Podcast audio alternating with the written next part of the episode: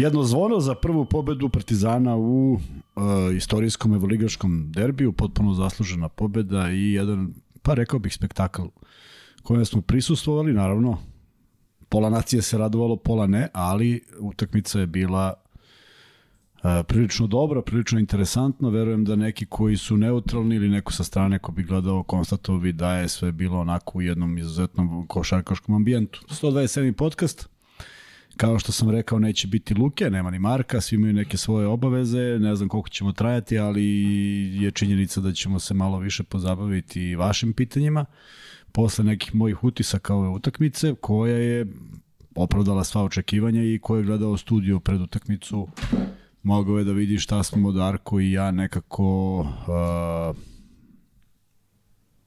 predviđali šta će se desiti, nešto toga se desilo, nešto ne. Uh, o tome ćemo pričati. E, Luka vas sve pozdravlja i zahvaljuje se na svim porukama podrške, kojih je bilo zaista mnogo. E, ne mogu da tvrdim, ali ideja je da se on vrati u ponedeljak, a onda još jedna ideja koju opet ne mogu da garantujem, ali bismo volili da bude tako, s obzirom da dolazi paklena nedelja, da malte ne budemo svaki dan a, sa vama, zato što je bilo interesantno nedelje kada je bilo četiri utakmice u četiri različita dana. Vidjet ćemo još o tome kako se, kako se stvari budu odvijale, ali to je neki plan i iskreno se nadam da će Luka biti tu u ponedeljak, da ćemo nastaviti, da, da, se, da se družimo i da ćemo malo da mu pomognemo da skrene misli sa svega što se izdešavalo. Znam da hoćemo i znam da ćemo prijati, ali danas je bilo prerano za to. Verovatno je dan bio još luđi nego onaj prethodni. Uh, Da se vratimo na, na košarku. Hvala svima koji su ovaj, e, primetili te neke nove proizvode koje imamo i interesovali se. Biće to sve, kažem, malo nas je ovo sve ukočilo, ali hvala svima što se interesuju i što je interesovanje onako prilično, prilično zanimljivo. Rekao, to je ideja da, da budemo onako napravimo jednu uh, jednu grupu ljudi koja se prepoznaje po tome. Uh, veliki broj poruka je stigao i posle same utakmice, što od Zvezdaša, što od navijača Partizana, vrlo interesantno i jako duhovito i jedni i drugi i jedna dobra komunikacija, jer ja u suštini u nekoj lošoj komunikaciji ne znam da se snađem i ne učestvujem, tako da sve ove stvari koje se dešavaju upravo se bave onim o čemu smo pričali, a to je da u moru strahota koje su oko nas, jedna se desila našem kolegi, vašem, vašem eto isto kolegi, ovaj, da mi sad pričamo o, o, o nekim stvarima koje nisu samo sportsko navijanje, nisu bodrenje svog tima i jedno uživanje u košarci kao takve. Naravno, nekom je teško, nekom manje, neko će se veseliti večeras, ali za dva dana je nova utakmica i sve ide iz početka. Što se same atmosfere tiče, bila je zaista spektakularna, mnogo je meni posle dugo vremena prijalo da čujem i huk uh, drugog tabora u smislu da se čuje njihova pesma, nekako su se nadjačavali, kako su mi sedeli u tom ćošku, da delovalo je čak u nekim momentima da su i oni glasni, ali to je samo zbog blizine koje, koje, koje, na, kojoj se, na distanci na kojoj smo se nalazili, međutim deluje mi da je to neki pun pogodak kada se takve stvari dešavaju. O tome je pričao Obradović u, posle prvog derbija, na, najavijevši i ovaj da je bilo jako lepo. Ivanović je konstatovao to isto pred utakmicu, tako da nadam se da su se svi razišli mirno i, i, i da je sve prošlo kako treba, tako da a, velika pobeda Partizana u Pioniru ima tu posebnu draž, baš kao ona od pre par meseci u areni i eto revanš, revanš za nešto što Partizanu mnogo znači, ne kažem da bi Zvezdi ova pobeda manje značila, ali Partizanu znači pošto e, je dve, dve, dva poraza doživio u ovoj godini, a to nije nešto što je što je realno s obzirom da derbi donose tu jednu i dinamiku i potpuno neki drugačiji pristup iznova iznova u kojoj god formi da se ekipa nalazila i negde sam stvarno mislio da je Zvezda blagi favorit u, u ovoj utakmici. Međutim, a, utakmica na, na način na koji je otvorena, a, osim samog početka, sve ostalo je bilo u znaku Partizana i možda je rezultatski deluje da je ovo utakmica koja je bila blizu, ali meni se ne čini da je bila blizu. Ne čini mi se da je bila blizu, bila je u određenim momentima, ne na samom kraju, ipak je Nedović pogodio trojku i time i time poništio tu neku pobedu Partizana u slučaju istog uh, skora. Naravno da Obradović nije mogao da bude nezadovoljan pobedom, ali mislim da je poludeo uh, što nije što nije pobeđeno sa tri ili više poena stvari sa četiri koje je Partizan imao prednosti, onaj šut je nenormalno težak i prosto možda najteži. Da li Nedović uzima i pogađa samo te teške tu šuteve, ne znam, ali zaista pakleno težak šut koji se onako u, u posljednjoj desetinki u, slio u koš. I time Zvezda nije izgubila na dva načina, nego samo na jedan, jer u slučaju istog broja bodova bit će ispred Partizana. Naravno, tu može bude još dosta klubova, pa se to onda potre ako imaš uh, s nekim loši, s nekim bolji odnos. Kako stvari stoje, bit će ozbiljna gužva. Međutim, uh, uh, ono što mislim da je bio cilj Zvezde, a samim tim i cilj Partizana, nekako sam razmišljao da bi više sam se vezao naravno za, za predviđanje vezana oko Zvezde zbog tog nekog eventualnog uh, nastupa Kampaca posle 28. februara, do tada ima pet utakmica i negde sam otprilike rekao da kad bi Zvezda imala tri pobede iz pet utakmica, to bi bilo to. A, da li može njih da dođe? Može, jer ima još četiri utakmice. Da li će biti lako? Neće, ali ne bi bilo lako ni da je utakmica dobijena. Tako da sad sledi put u Italiju koji će biti onako vrlo izazovan i nešto nešto mora da se desi bolje nego što se desilo večer. Sa druge strane, Partizan uh, igra kao domaćin, pa onda gostuje, ili obratno ne ide, ide uh, Asfel, Asfel Žalgiris i takođe ekipa koja uh, juri, juri tri od četiri naredne, jer mislim da tu ko bude profitirao, ne samo Partizan i Zvezda, nego mnogi koji su u tom rangu, da će se onda dobro kotirati za preostalih devet utakmica koje su na rasporedu od svih onih kupova i reprezentacije i svega dalje. Tako da, Biće interesantno da pratimo šta se dešava. Mnogi ljudi koji su ovaj, se javljali ovih dana traže da zapamtimo to što su napisali i ja ću se potrojiti da zabeležimo to, neke njihove ideje, kako će to izgledati. Biće interesantno kada budemo pričali na kraju, jer ima razno raznih ovaj, predviđanja, vrlo je zanimljivo i zabavno.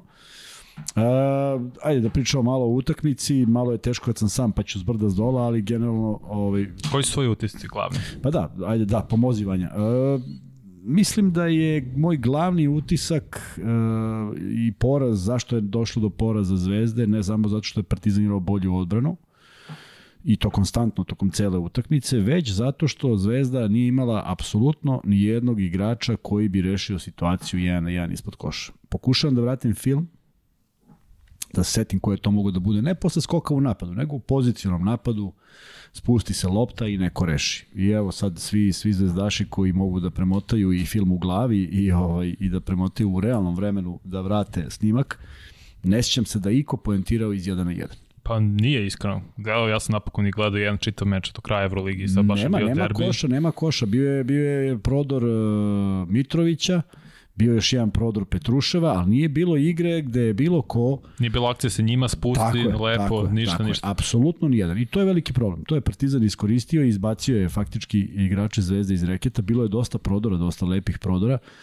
Uh, Goran Vasić kaže da se ne slaže s mojom konstacijom da, da bi, da bi ovaj, uh, Nedoviću, da bi to trebalo bude Nedovićeva igra, jer se umori činjenica kada, kada dođe kraj utakmice, nije to više isto raspoloženje i snaga. Uh, ali mnogo je lepše kada napravi tako nešto nego, nego kada šutne trojku preko ruke i to i dalje tvrdim. Znam da je naporno, ali pričat ću i o njemu konkretno šta mislim kako je on doživio ovaj meč i šta je on želeo ovim mečom, mečom da pokaže i šteta što nije.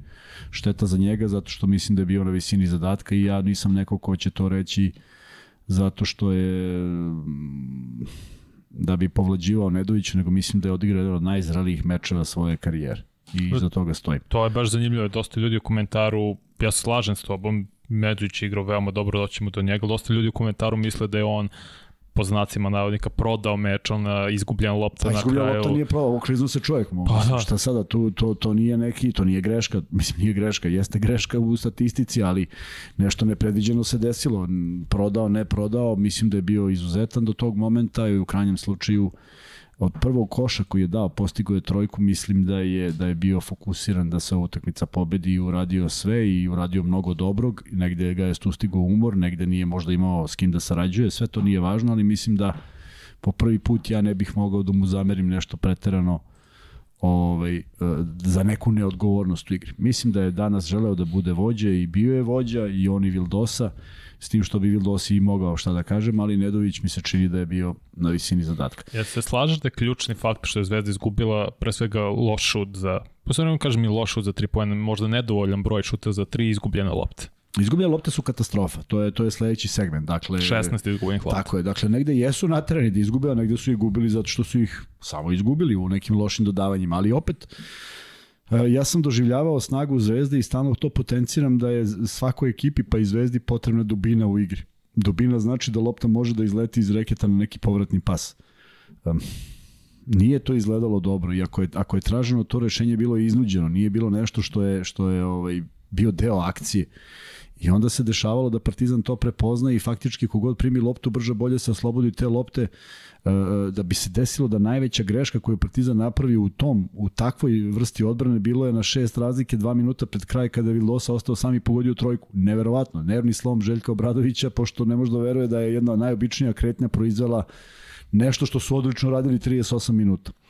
Ali ima naravno tu svojih uh, ajde da kažem, nekih, nekih padova u igri jedni i drugi, međutim, zaista je Partizan to iskontrolisao i, kažem, glavni utisci su mi da Zvezda ne imala unutrašnju igru, da je veliki broj izgubljenih lopti i to ne onih izgubljenih lopti neko hoće nekom da doda pa ode u aut iza koša, naprotiv, bilo je mnogo kontri, bilo je mnogo kontri lakih poena, ofanzivni skok Partizana je opet bio dobar, iako je faktički zavisio samo od Lesora, ali su poskidali te lopte dok kad on nije bio u igri, trpeo je rezultat u smislu Partizan, Partizan nije dao neke lake poene, ali ta treća četvrtina je potpuno jedna onako rovska borba u kojoj Zvezda vodi i ne uspeva da prelomi. To je bio neki moment kada se Partizan ponudio da, da Zvezda pređe u vođstvo, ali svaki put, doslovce svaki put kada su bili u mogućnosti da povedu, to se nije desilo, tako da uh, morali su to budu drugačiji, sigurniji napadi, a sve što ih pamtim su neki šutevi koji nisu iz najboljih pozicija. Dosta je bilo šute, dosta je bilo igra iz pika gde se Mitrović lepo otvarao i asistenciji imao. Mislim, vidio se da Luka Mitrović prosto zna da igra košarku.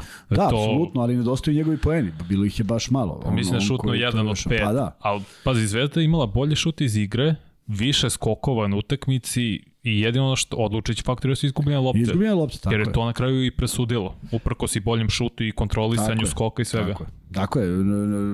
Prvo polovreme je drugačije potpuno i tih osam razlike misterija kako je završeno osam, zato što je Partizan u tom trenutku treba vodi 10, 12, 15 valjda ona Vildosina trojka na kraju prve četvrtine to ublažuje, pa se ne odlazi s toliko velikom razlikom, ali po, početak treće četvrtine i cela treća četvrtina, ja sam mislio da se nešto pokvario Senfor, stvarno jednom trenutku tri pojena stajalo na kontu Partizana dugi niz minuta, 5-6 minuta. Međutim, nije Zvezda uspela to da prelomi, a, naravno da sad se pojavljuju i poruke da je Ivanović odgovoran za utakmicu i ja sad to već toliko godine imam i sad kada se pobedi Asfel zašlo za Ivanović, kada se izgubi od Partizana krivi Ivanović, ne ide to baš tako. Ne ide to baš tako i moramo da ovaj, malo, malo imamo poverenje u trenera za koje navijamo. Isto se priča i o Bradoviću kad se izgubi utakmica, meni to poprilično besmisleno, jednostavno tražila su najbolje rešenja, jer e, mi ne možemo da shvatimo, čak ni ja koji sam igrao košarku, ne mogu da shvatim koji su napori u ovoj ovakvoj utakmici, koja je bila dobrim delom uglavnom u faulu, četvrta četvrtina se više fauliralo nego što se igralo i što pamtimo nekih otvorenih šuteva za koš, dakle to iziskuje veliki napor i nije ni čudo što je bilo toliko izmena i nije ni čudo što u određenim momentima i Partizan i Zvezda promene na neki način formaciju te petorke ne budu ubojiti, niti mogu da budu ubojiti, ali budu m, sa idejom da rade nešto drugo. A, naprimjer, mene iznenadilo da su i Avramović i Trifunović ušli podosta kasno. A to je tačno bio onaj moment kada je Partizan stao, kad više nije bilo sve pročitano i sad ti trebala neka sveža krv i stvarno je donao. Ono što ja pričam stalno o Avramoviću i evo, mislim, pokazao je, ali nije koštalo Partizan, odmah želi da završi utakmicu i šutno je te dve trojke munjevitom brzinom, o, možda iz tog, te, tog ludila i hrabrosti on pogađa onu treću, ali ove dve nisu bile nešto što je, što je išla na ruku Partizanu, međutim, kažem, Zvezda to nije uspela da kazni i on mora da izvuče neke pouke iz toga da da malo mirnije uđe u utakmicu, da, da, da se uvede nekim lakim poenima, da nešto drugo uradi, a ne nešto što čak ni ne primeti da je Zvezda rizikovala možda i svesno. Prema tome, svi mogu da izvuku pouke, ali ono što se pamti to je da je Partizan pobedio u jednoj, za mene, pravoj košarkaškoj utakmici. Nisam očekivao da je pršao u košarku, čak mi zanadio broj poena na početku, to jest u prvom polovremenu 45-37, da je mi nešto mnogo, da to da na 90 poena i onda naravno Demanti je stigao u troj treći četvrtini. U treći četvrtini je bilo 17-12. Pa da, neviđena borba i kažem Zvezda je tu ispustila priliku da prevede. Pitanje je kako bi reagovao Partizan da je Zvezda povela, ali to se nije desilo i to ide na konto toga da su tačno znali šta rade i Uh, pred sam studio pričali smo o Ledeju kao glavnom kandidatu za, za, za eto, igrača ove utakmice. Ja mislim da je on pokrenuo Partizan i da je njegova sigurnost i donela pobedu Partizanu. Uh, nije on bio u fokusu ovih 3-4 posljednje utakmice, međutim ovde mu je sve leglo i sve mu je bilo kako treba. Pogodio je sve u pravim momentima, čak je dva ili tri puta on bio taj koji je pogađao mm -hmm. u mhm. posljednjoj sekundi, posljednjoj desetinki. Nije bilo odgovora za to, ali Um, vrlo bitno za Partizan da ulazi u seriju utakmica gde znaju da završavaju utakmice. Zvezda koja nam je pokazala da to zna danas nije bila u mogućnosti da tako dobro završi. Uh, volao bih da kažem da je klizanje Nedovića taj glavni moment, volao bih da kažem da je Vildosina polaganje koje je ostalo na košu glavni moment, ali nije. Prosto Zvezda je morala neke, neke ranije momente da reši mnogo bolje. I veliki, pro, veliki broj onih pravih momenta postizanja koša. I ja obožavam kada Dobrić šutne trojku. I vi znate šta ja mislim o tom igraču, ali ona dva flotera koja nisu završila u košu je nešto o čemu sam pričao baš pre neki dan. Prosto ne može tako da se završava. Ne, ne znam koje je rešenje, ali ne može onako jer, jer deluje, deluje da, da, da, da će uvijek biti slobodno bacanje. Nikad, nikad 2 plus 1 ako ne ide tako, digneš ruku još više iznad koša, položiš, ostaviš o tablu, pa ako treba dobiješ neku rampu, ali ovo nije prosto rešenje jer Jer, jer... Mislim da prosto nije imao dovoljno hrabrosti. Pa Imao je otvoren put do, da, ko, dva do puta, koša. Dva da, puta, nešto nedostaje. Dakle, on koji, koji se obično diže, na zakucavanje, nešto okolo je išao, tako da to su to su momenti, a onda da dve trojke hladan kao špricer postiže dve trojke koje vraćaju zvezdu u život gde dva puta Partizan pada na istu stvar, Željko Bradović uzima time out, dakle sve je to bilo tu negde, ali ne dovoljno tu da da bi navijači Zvezde mogli da žale za, za izgubljenom utakmicu. Mislim, za pobedu. Nisu bili blizu. Kako hoćeš da krenemo? Hoćeš da krenemo pojedinačno igrača Zvezde ili igrača Partizana? Ajmo pobednika, ajmo igrači Partizana. Ok. Po, pojedinačno, kreni po broju. Da, da, Zek Lede, kao što se rekao, igrao je 32 da, minuta, da, 20 poena. 32 minuta. 4 od 5 za 3 je bilo neverovatno. I kusano kaže, ona tehnika izbačaj, to smo pričali malo, Jeste, meni je to neverovatno, tako stvarno. Je, specifično i pogodio se moment, on tako izbaci na, i na prethodnoj utakmici, ali ne uđe. Dakle, jedan fokus, jedna želja da pokaže ipak je ovo nešto što, što iziskuje i bolji fokus i važnija važnost utakmice i, i neodlazak zvezde na dve pobede razlike. Sve to ima neku svoju težinu koja se slila u tu jednu dobru energiju i stvarno je odigrao utakmicu i video si koliko je problema zadavao u tom nekoj toj nekoj leđenoj igri, pa ako ništa drugo dobar pas, Zvezda je mm -hmm. tu potpuno podbacila i tu je Ledej pravio tu razliku, dva puta pogađa onim pravim momentima za Partizan, prema tome apsolutno bez obzira na Egzuma koji isto igra odlično, uh, sve ostale mogu da svrstam u, u, u igrače koji su odradili dobar posao, ali njih dvojica su bili zaista nešto posebniji večeras. Ja mislim da su te trojke određene lede ubile zvezdu po NBA. Pa jeste, ali vidite... Neočekivano kako, da, skroz. Da, ali kako te dve, a, a Ćošak jeste njegova pozicija, kako te dve, tako i ona Avramovića, koja mm. te, te odmah spušta negde, ovaj, nije ti, nije ti iako si rizikovo, nisi očekivao tako nešto.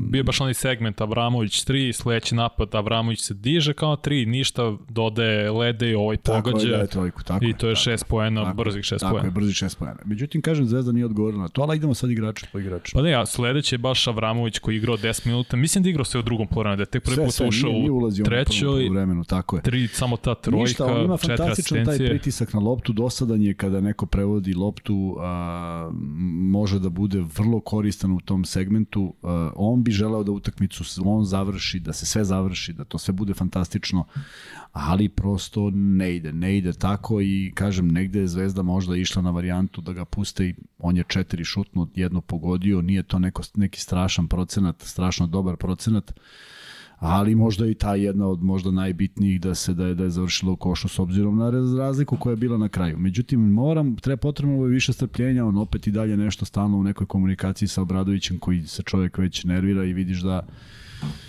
da mu nije prijatno, ali vrlo bitno za, za, za taj boravak njegov na, na parketu da rezultat nije pao. Zvezda nije prevela, dakle Partizan je uspeo da odmori ostatak ekipe i da se vrati u jednu ipak večeras dobitnu kombinaciju, koliko god Panter nije bio u, nekom, u nekoj koš-geterskoj formi, uh, fokus odbrane je ozbiljno veliki na Panteru. Kako se Panter kreće, tako se pomera i odbrana, tako da i ako nije šutirao, to ne znači da nisu bili spremni da uputi neki šut, a znajući njega mogli su da budu zaista još ubistveniji. Međutim, ako ništa drugo, on je bio dosta izolovan iz igre, ali ovaj, nisu, nisu svi igrači bili tako zatvoreni.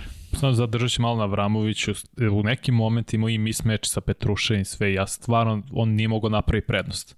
Možda jednom prodoru je napravio prednost, imao asistenciju, i kapiramo ovo je mesec dana od kako se vratio od povrede sve primjače odigrao 22. decembra, ali nekako ovo je limit za njega, bude backup. Ja stvarno ne mogu vidim Avramovića, bude ozbiljan starter u nekoj evroligaškoj ekipi. I to je okej okay, skroz, mislim, da, opet. Da, jes, pa dobro, biti backup. Ovo je neki limit. Drama, da, ali, mo, pa znaš šta, opet... Tako sam ja vidio. Opet ta, ta prošlogodišnja njegovo rešavanje derbija je bilo spektakularno, zaista, kao da ima mm -hmm. već 20 sezona u nogama i ta sigurnost kojom je igrao, ali je samo bio, bio bljesak. Ja bih volao više da ga vidimo u konstantnim ulogama nego da tako bljesne s vremena na vreme, ali potpuno si u pravu do njega da neke stvari nauči, da pročita, da, da, da, da, da, da, da postane iskusniji, da uči i svega toga. Međutim, ti kad kažeš nije uspeo da reši Petruševa, meni je uvek drugo pitanje, a gde su ona druga dvojica? Jasno. Neko kako, se stvarao... kako ni oni, kako ni oni ne mhm. reše, kako, kako se i njemu, i njemu ne spusti lopta, jedan mora da reši.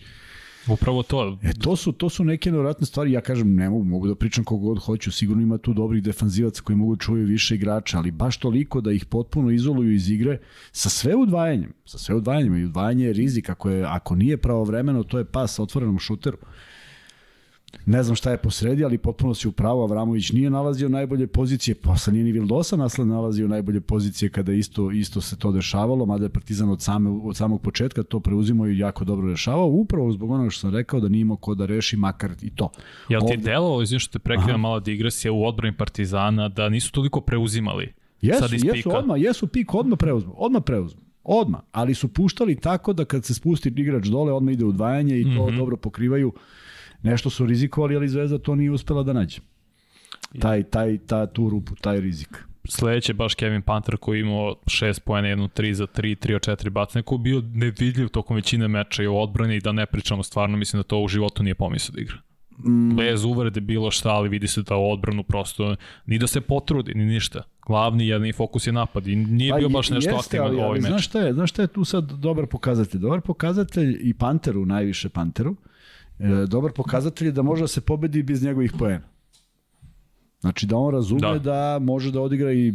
To je jedno, super za Partizan. To je super za Partizan, ali i za njega. Dakle, on kad kaže ja moram, ne moraš, evo, pokazali smo da ne moraš, derbi je takav, nisi dao 20, nego si dao 6, ali ima ko, a onda odradi neki drugi deo posla. On danas nije odradio posao zašto je ušao u nervozu sa faulovima koji su bili jako brzi i onda te potpuno izbaci iz igre i on je vrlo brzo izašao, kad se vratio dobro čuvan, tako da makar taj segment uh, neke ideje kako zaustaviti Partizan što se Zvezde tiče bio je urađen dobro i Pantera stvarno nije bilo u nekom njegovom izdanju. Mislim da su to je možda jedna dvojka i sve ostalo bi moglo ne, bilo, da slobodno bacanje. Bilo trojka i tri od četiri. Trojka je, da, jedno slobodno bacanje promašio. Tako je, tako je, tako je. Uh, Smajlagić je sledeći, imao je 7 pojene, igrao je 12 minuta, 4 skoka, ako uzmem stvarno neki moment, to ti pričao pre ja mislim da on, Smajlagić, ako ozbiljno shvati košarku ili ozbiljnije, kako god hoćeš da preformulišem to, mislim može bude veoma ozbiljan centar, jedan boljih u Euroligi. Jer te neke poteze, neke momente kojima se vidi njegove fizičke predispozicije, talent koji ima,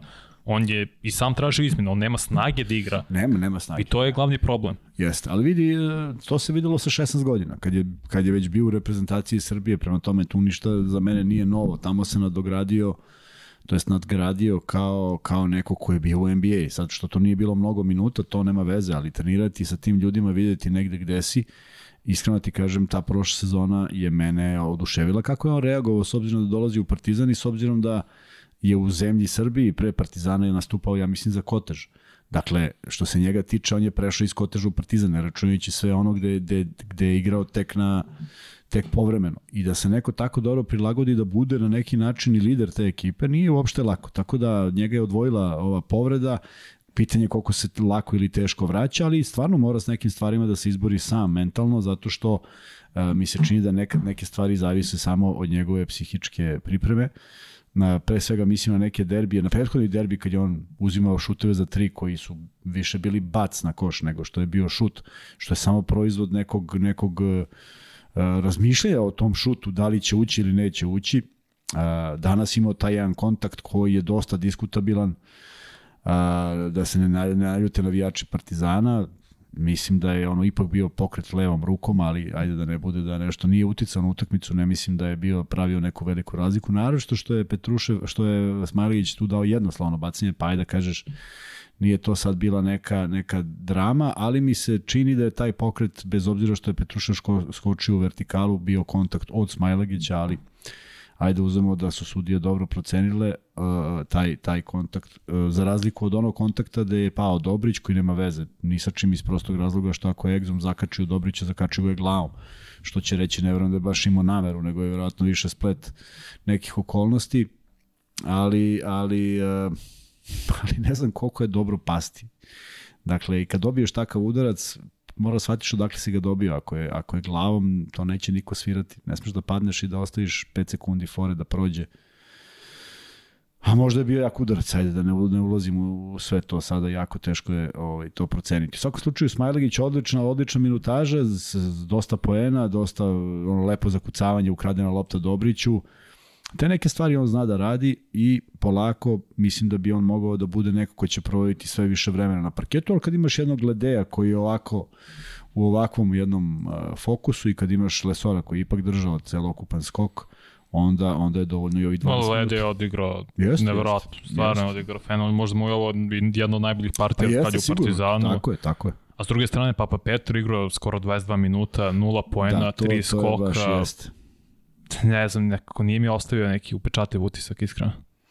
Nije ni meni, iskreno ti kažem, nije ni meni, ja sve nešto očekujem, je odigrao dva derbija prilično dobro, ako sad svedemo Papa Petro na to da li je, da li je odigrao dobro defanzivno, pa da ti kažem, mm, da ti kažem, baš ne znam, ne znam da li, da li, znaš, kao ajde, kao dao dva poena, pa super, ali da to igrao dobro odbranu, mislim da da, ovaj, da nije to baš tako tako, ali šta je tu je? Mislim, moraju da se iskoriste svi igrači na, na Obradoviću, pa i na Ivanoviću je da neke vrati u život, da neke da neke eh, na neki način podigne, da neke usmeri, ne znam više šta, šta, šta reći za pojedina izdanja, pa, pa Petru apsolutno jeste jedan od tih zato što je od njega učinak i broj minuta koje je proveo morao da bude bolji, ali Siguran sam da ima nekih e, dobrih stvari koje radi dok je na parketu u pokrivanju prostora, u toj rotaciji koja je takva kakva jeste i deluje da, da, da nije slučajno proveo toliko vremena na parketu, ali prosto od takvih igrača sa takvim iskustvom, sa bezbroj derbija grčkih koji su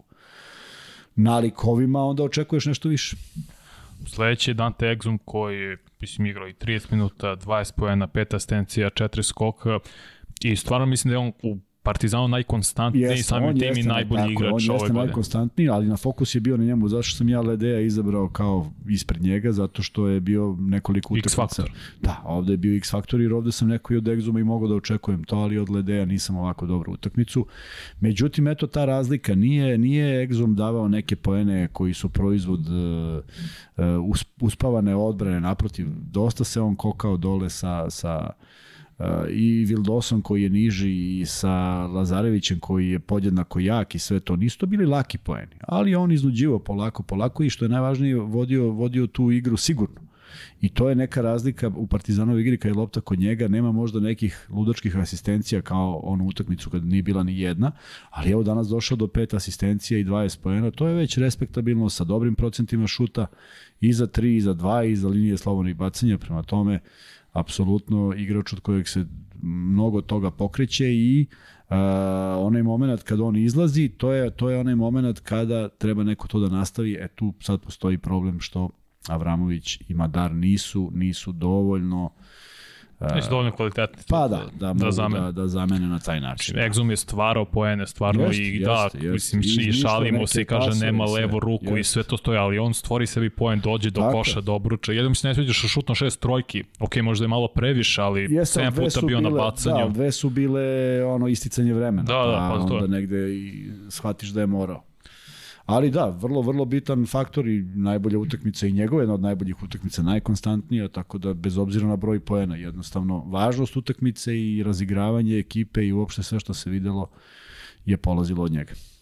O, e, sledeći je Naneli koji je igrao skoro 14 minuta, imao je samo tu jednu trojku, tri poena, jedan skok, jednu asistenciju, nije on nije ostavio sa neki zapašan da, utisak. Da, nije, ja mislim da od njega takođe očekuje. On je treba bude neki, neki Željkov džoker na terenu. Koji Jel možda razume. on treba da zameni ovog Exuma kad je ovaj na klupi? Da ne, Pa ne, dozvoli a- da padne igra. Znam Pa, da nisu iste trebalo pozicije, bi, trebalo bi, da, ali trebalo bi u otprilike. nekoj sigurnosti u igri, ali to se ne dešava od samog početka. Dakle, nije, nije to slučajno i onda Obradović ne želi da rizikuje baš nešto preterano, tako mi deluje. Ali mi je, verujem da je zamisao bio da je ovo čovjek koji zna sve šta ja hoću i naravno da se uklopi u tim. Međutim, to se nije desilo. Tako da Naneli nije nije neko ko donosi ono što bi možda Obradović od njega očekivao. Sa punim pravom očekivao zato što nisu igrali pre 200 godina zajedno, nego samo pre par godina. I, i zna šta može i ne verujem da bi mu dao ulogu u ekipi koju ovaj ne može da uradi. Tako da tu verovatno još uvek se luta, a moguće će doći na nešto svoje, ali šta može da bude problem, zaista ne znam. Zatim Lesor je, mislim, bio fenomenalan 13 pojena, Tako je. 8 skoko, konstantna energija, imao i dve ukradene pored toga, ali njegova energija je zarazna. I to je stalno Jeste, po jeste, terenu, ide, gore, tako dole, je, gore, tako dole. Stvarno je odigrao neverovatno. Možda imao prevelik broj poena, ali opet 5 6 iz igra, samo uzeo 6 šuteva. Tako da je stvarno bio fantastičan. Samo sekund. Mhm.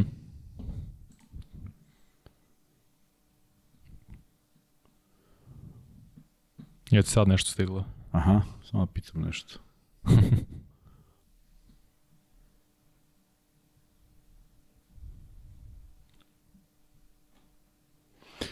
Uh, ko je sledeći? Lesor. A, Lesor, da. Lesor uh, uh, odlično kreće utakmicu, uh, preuzima sve, preuzima vrlo kvalitetno, takav je dogovor i ne ispada iz toga.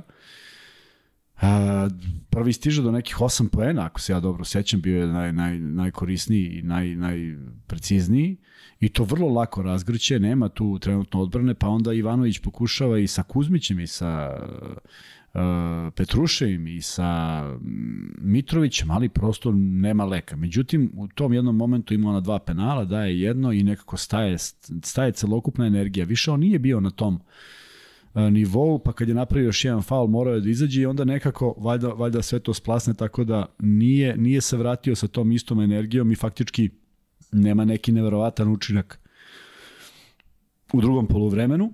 Iako defanzivno da, defanzivno je uspeo da zaustave, uspeli su da zaustave sve to što je Partizan što je Partizan planirao da zaustavi i pomogao mnogo na mnogo mesta, ali a, nije ovo bila partija u kojoj se nešto više lopti spuštalo na njega, to je realno, a drugo nije on neko ko treba da primi loptu pa da asistira, kao što, na primjer, e, Petrušev i Mitrović hoće da naprave nešto, nikad nisu. Znaš, nije, nije, nije grešio u tom segmentu, vrlo jednostavno igrao, ako može završi ide na koš, ako nije, imao je ono fantastičan onaj okret, pogled Petruševa. Tu Da, je, fenomenalno potencijalno za kucavanje. Tako je, s tim što to mora da bude jedna, jedno, jedno opet narovučenije za Petruša, to prosto ne može se desiti na tom, na tom mestu. Jako je teško da napraviš desni dribling i rolling oko noge i da ostaneš u terenu. Um, može da bude faul, može da ispadneš napolje, može hiljadu stvari da se desi, ali baš tako da se okreneš uh, mora više čvrstine, mora da bude to mnogo više kontakta i to je onda prava stvar. Petrušev je naleteo par puta, pa su se sudarili, pa su se malo gledali i tako dalje. To, to je taj nivo koji ga čeka u nastavku i sezone i karijere.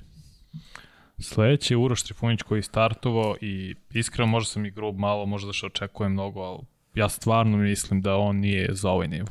Znaš kako? O, Možda ja sam grub, možda stvarno preteram, je ljudi mlad, pišu. on je Mislim, mlad. jasno, 23 godine ima. Da. Ali opet, stvarno u nekim momentima i onaj floater kako je skratio i Pa to jeste, je prosto... važno su utakmice, pa malo se presečeš, ima sve to svoje. Nije, nije, ima, ima težina, ima ima mnogo kvalitetnijih igrača, starijih, pa se skrati ruka. Ali jeste iznenadilo što je ipak imao manju minutažu nego na ovim prethodnim utakmicama. Uh, kažem, ja ne mogu iz, iz, iz, sa svoje pozicije da pratim sve što Obradović prati u smislu da vidi ko je greši u odbrani, ali činjenica da ima manju minutažu, defanzivno dve trojke padaju kada je on u igri, mm. da li je on kriv ili je kriv neko treći, potpuno sve jedno, u svakom slučaju dešava se Maler da, da tada padaju trojke i naravno Obradović reaguje burno kako reaguje, ali ima vremena, nije se pokazao sada i mislim da je možda imao neki pritisak i očekivanja da se pokaže i sada, ali šta je tu je, ima još mnogo utakmica i mislim da će on igrati ako ništa drugo na ovom nivou do kraja sezone.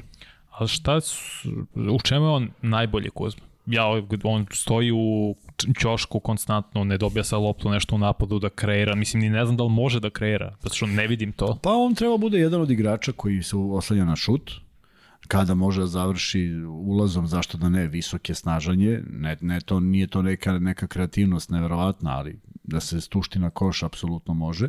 Ima dobar šut, kada ima i rezon kada treba da šutne, to izgleda prilično dobro i ja mislim da ima telo da može da čuva od 1 do, pa sad da ne kažem 4, ali od 1 do 3. Sve te pozicije može da pokrije, može da bude vrlo svestran, može u rotaciji da odradi veliki deo posla, nije njemu strano ni da se gura sa četvorkama, sa peticama već nije, nije nešto, mada je delovo mi je, ako vratim film, da i danas uspeo nešto tu da pomrsi račune zvezdinom napadu, ali generalno vrlo upotrebljiv, uh, mora da pronađe neku svoju igru. On mora nama da kaže šta je njegov zaštitni znak.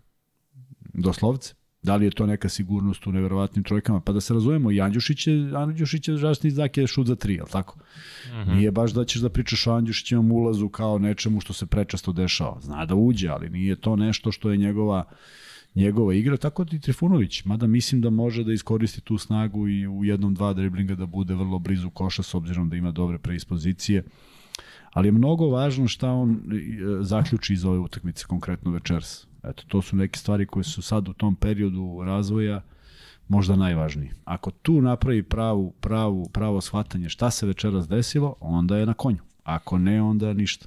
Nadam se stvarno da hoće, jer očekivanje su velika i ima predispozicije za to. naravno. Samo mislim da ne igra do svog potencijala. Andjušić sledeći koji igrao samo 8 minuta, 2-2 što se tiče bacanja, dve ukradene imao jednu asistenciju, opet Premalo minuta. Jeste, premalo minuta, ali, ali do, pazi, koncepcija je bila na nekom drugom. Koncepcija je bila da ti kad imaš ove igrače koji su igrali dobro, da je tu jedan potrošač višak, tako da on to što je odigrao sa tim, sa tim učinkom i dve šutnute trojke, ako se ja dobro sećam, koje nisu završile u košu, iskreno i te dve da su završile, ne bi sad tu minutaža bila narednih 25 minuta. Prosto neka minijatura se završi, odradi dobar posao, samo bi bilo kvalitetnije sve to, ali nekako dosta turbulentna sezona za njega, navikli smo gledamo toplo-hladno, tako da ovde ništa nije neočekivano, a ovaj, že, Obradović se rukovodio nekim drugim rezonima i i pobedi utakmicu i kada trener pobedi utakmicu onda sve priče ko šta i kako pada u vodu.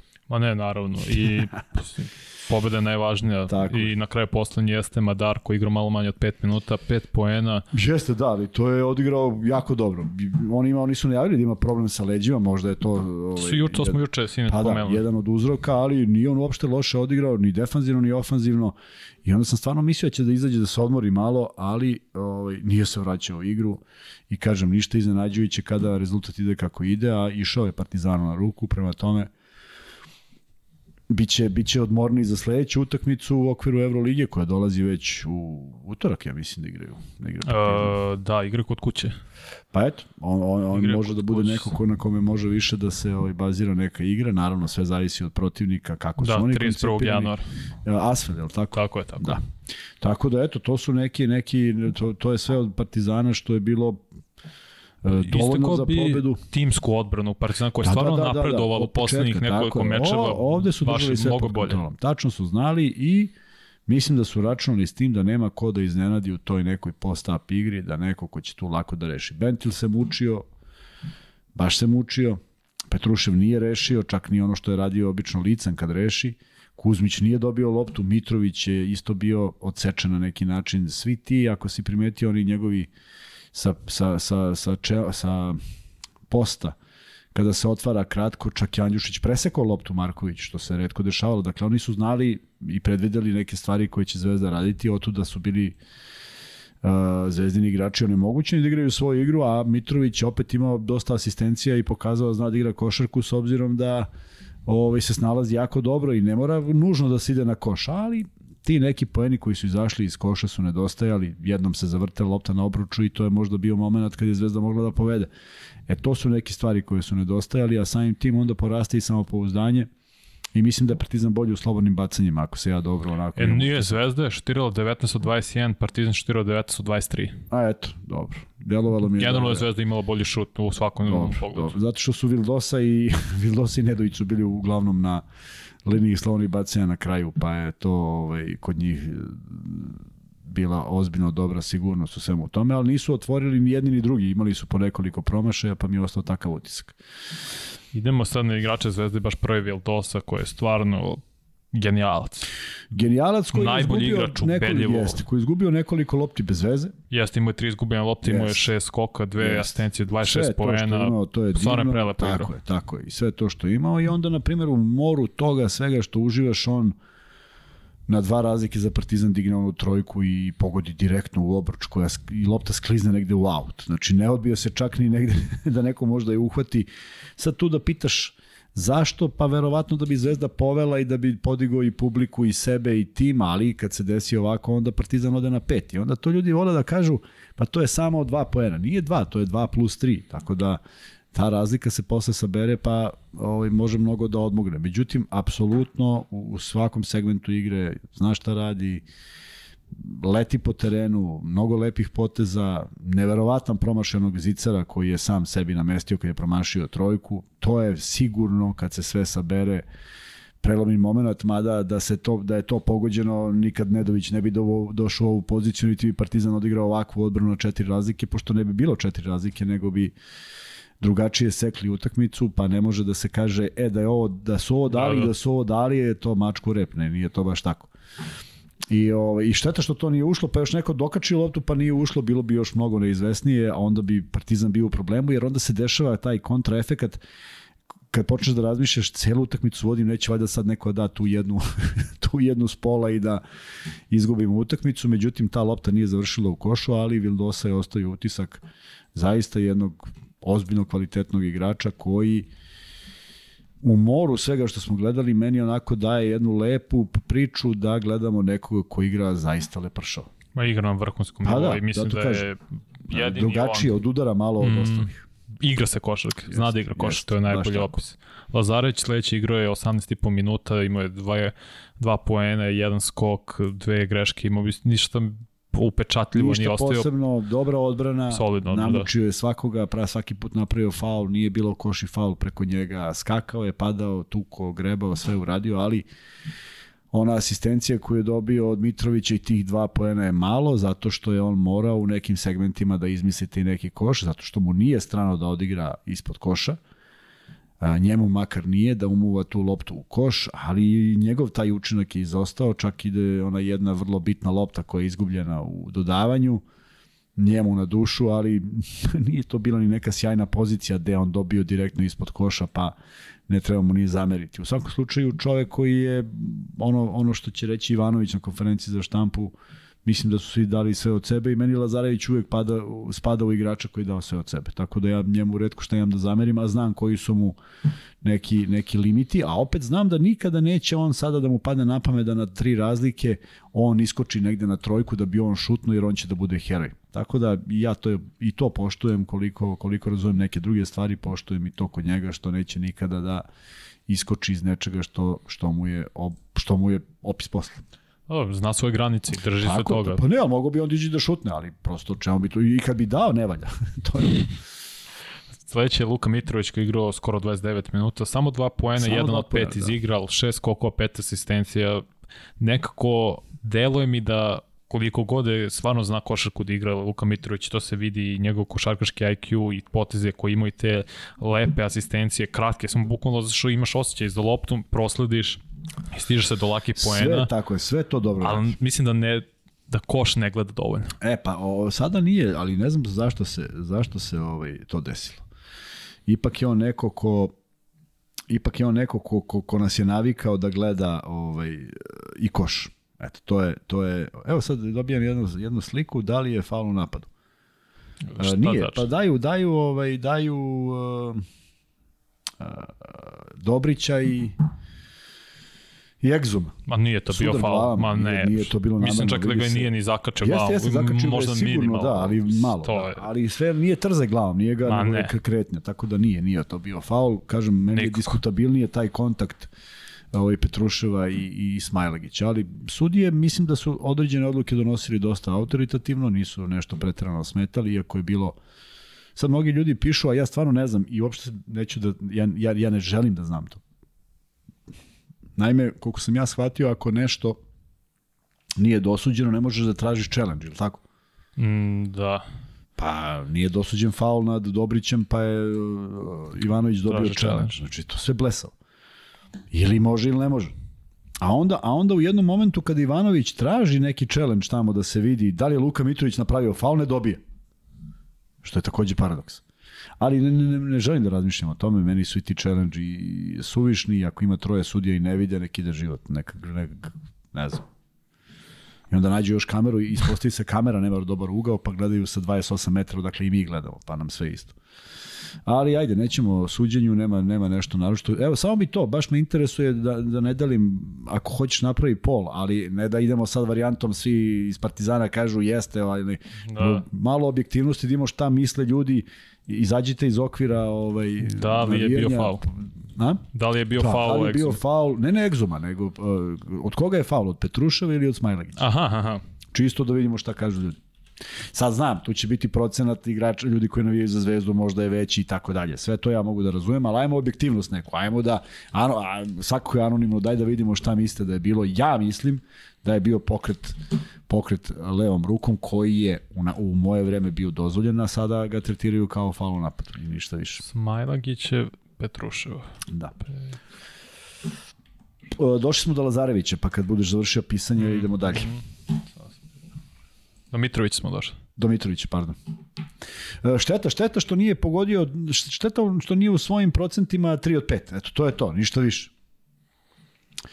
Onda sada šalju, evo ajde sad kad već pošalju, kaže, poslali su mi snimak i evo, stvarno sa TV-a, sa TV ekrana, piše 51-50 za Partizan, A, ona situacija što ti... Jes, što si ti spomenuo, na zvezdinom grbu na sredini stoji Avramović na svojoj polovini i piše 15. Eto, i sad ja ne znam, ja stvarno to nisam primetio, pa mogu samo da komentarišem ovu sliku. A dobro, misli, pazi, dešava se, niko nije reagovao u momentu, čini mi Pa se... ne, ali, ali tu sad nije, a verovatno nije reagovala ni klupa. Znaš. Pa da, zato kažem, niko u tom momentu nije Niko reagovao. reklamirao. A, sudija, trebalo bi da gleda jedan vreme, ali mislim šta bi trebalo. Juče je bila utakmica, komentarisali smo i to, Panathinaikos i, i Žalgiris, kada je celim stopalom na liniji bio Lekavičus, mm. -hmm. ništa. Lopta za, lopta za Žalgiris. Tako Mnogo, da, mnogo čudne odluke. mnogo, mnogo, mnogo. Stvarno, mnogo, mnogo. i vratit ćemo se sad na igrače, samo ovaj sekund, baš na tom kada je bilo 51-50, uh, ako možeš ti komentar, ja ću reći svoje mišljenje, ono je sramotno, kad istako napad, kad Ledi nije šutno, A ne vidim, ja imam samo sliku, nemam ja snimak. Ne, ne, ne, veze, približat ću ti, Ledi nije šutno vreme, isteklo vre- vreme za napad Partizana i navijač Zvezde koji sedi pored terena, pretpostavljam da navijač Zvezde što pokazuje da je isteklo vreme i počeo da se raduje, pokazuje srednji prst Lediju metar i pod njega. Ustaje sa, sa svog Da, mesta, da. to je Naravno, grozna pa situacija. na- pa to čovjek treba da mu se zabrani da ide u više u, u, u, u halu. Ne, stvarno, kako ti nije sramota tako da reaguješ, da to uradiš. To, to mi je neverovatno. Slažem se i to bi trebalo da budu ljudi koji su tu sa tim kartama nekako drugačiji. Imaš Ali privilegiju da budeš pored terena. dešava se i kod jednih i kod drugih i u mnogim zemljama malo dođe do tog nekog uh, ne znam, neki sukob je bio u Euroligi za one ljude koji sede na onim stolicama sa strane. pa, pa je nastao neki sukup s jednim igračem. Tako da, svašta je moguće, ali ajde, ja ne, zaista nisam video o čemu se radi, ali naravno sve što izlazi iz okvira bilo kakvog sportskog, ti znaš da ja nemam simpatije prema tome, uopšte nema veze ko za koga navije. Jasno, idemo dalje. Branko Lasić.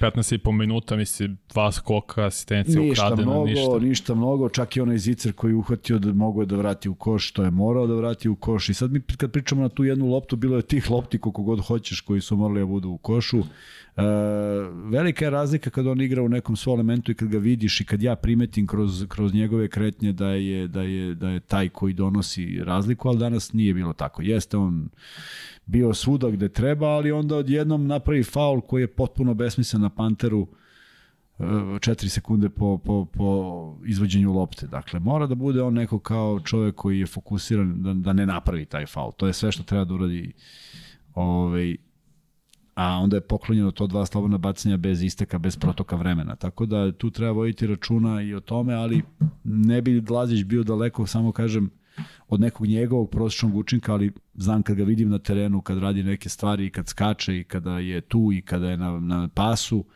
danas nije bio to slučaj.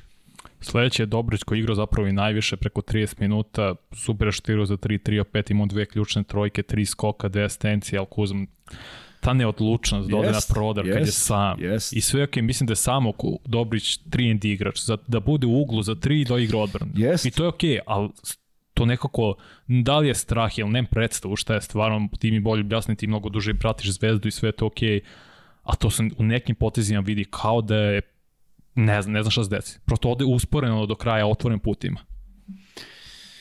Uh, ta dva ulaza koja su bila skoro, pa izgledalo da je već zakucao, su bili dosta spori, potpuno si upravo i što je najgore nisu završili u košu. Jedan je, jedan je ovaj, bio faul, ali mm -hmm s druge strane to mora bude koš, to mora bude mnogo mekši izbačaj da, da, ovaj, da bude da bude da bude koš i faul. Jer to bi značilo, značilo bi Zvezdi svaki taj poen, a bilo ih je dosta, značili bi ali nisu završili u košu. I on, I on konstantno ide na te flotere, ja bih nešto uradio, ili bi ga usavršio, ili bi promenio način izbacivanja lopte, ili, ili već nešto treće, ali ovo, ovo, ovo je toliko dobrih prilika sa, sa neobjašnjivo lošim izbačajem. Nije to lopta koja se zavrtela na košu pa samo što nije ušla neko je mm. skinuo, nego ona padne kao da pada sa... Samo baci kao i šta bude pa da, biće. Pa da, pa ona padne kao od nekud, kao da je neko ispustio, ne da je gađao u koš. Tako da, žao mi je što je tako jer, jer, jer sa tim, sa njegovim predispozicijama čak, znaš, dođe umor, ali mi Dobrić uvek deluje kao neko ko ima taj još 2% u nekih u rezervi kad god zatreba i žao mi je što nije realizovao jer, jer napravio je dobre kretnje, bio sam na putu ka košu i prosto ono kad su sva tri igrača skočila na njega, to je treba bude faul i koša, ne samo da bude faul. Upravo. Nikola Ivanović igrao 13 minuta, imao je samo dva poena, dva skoka, jednu ukradenu. Nikola Ivanović.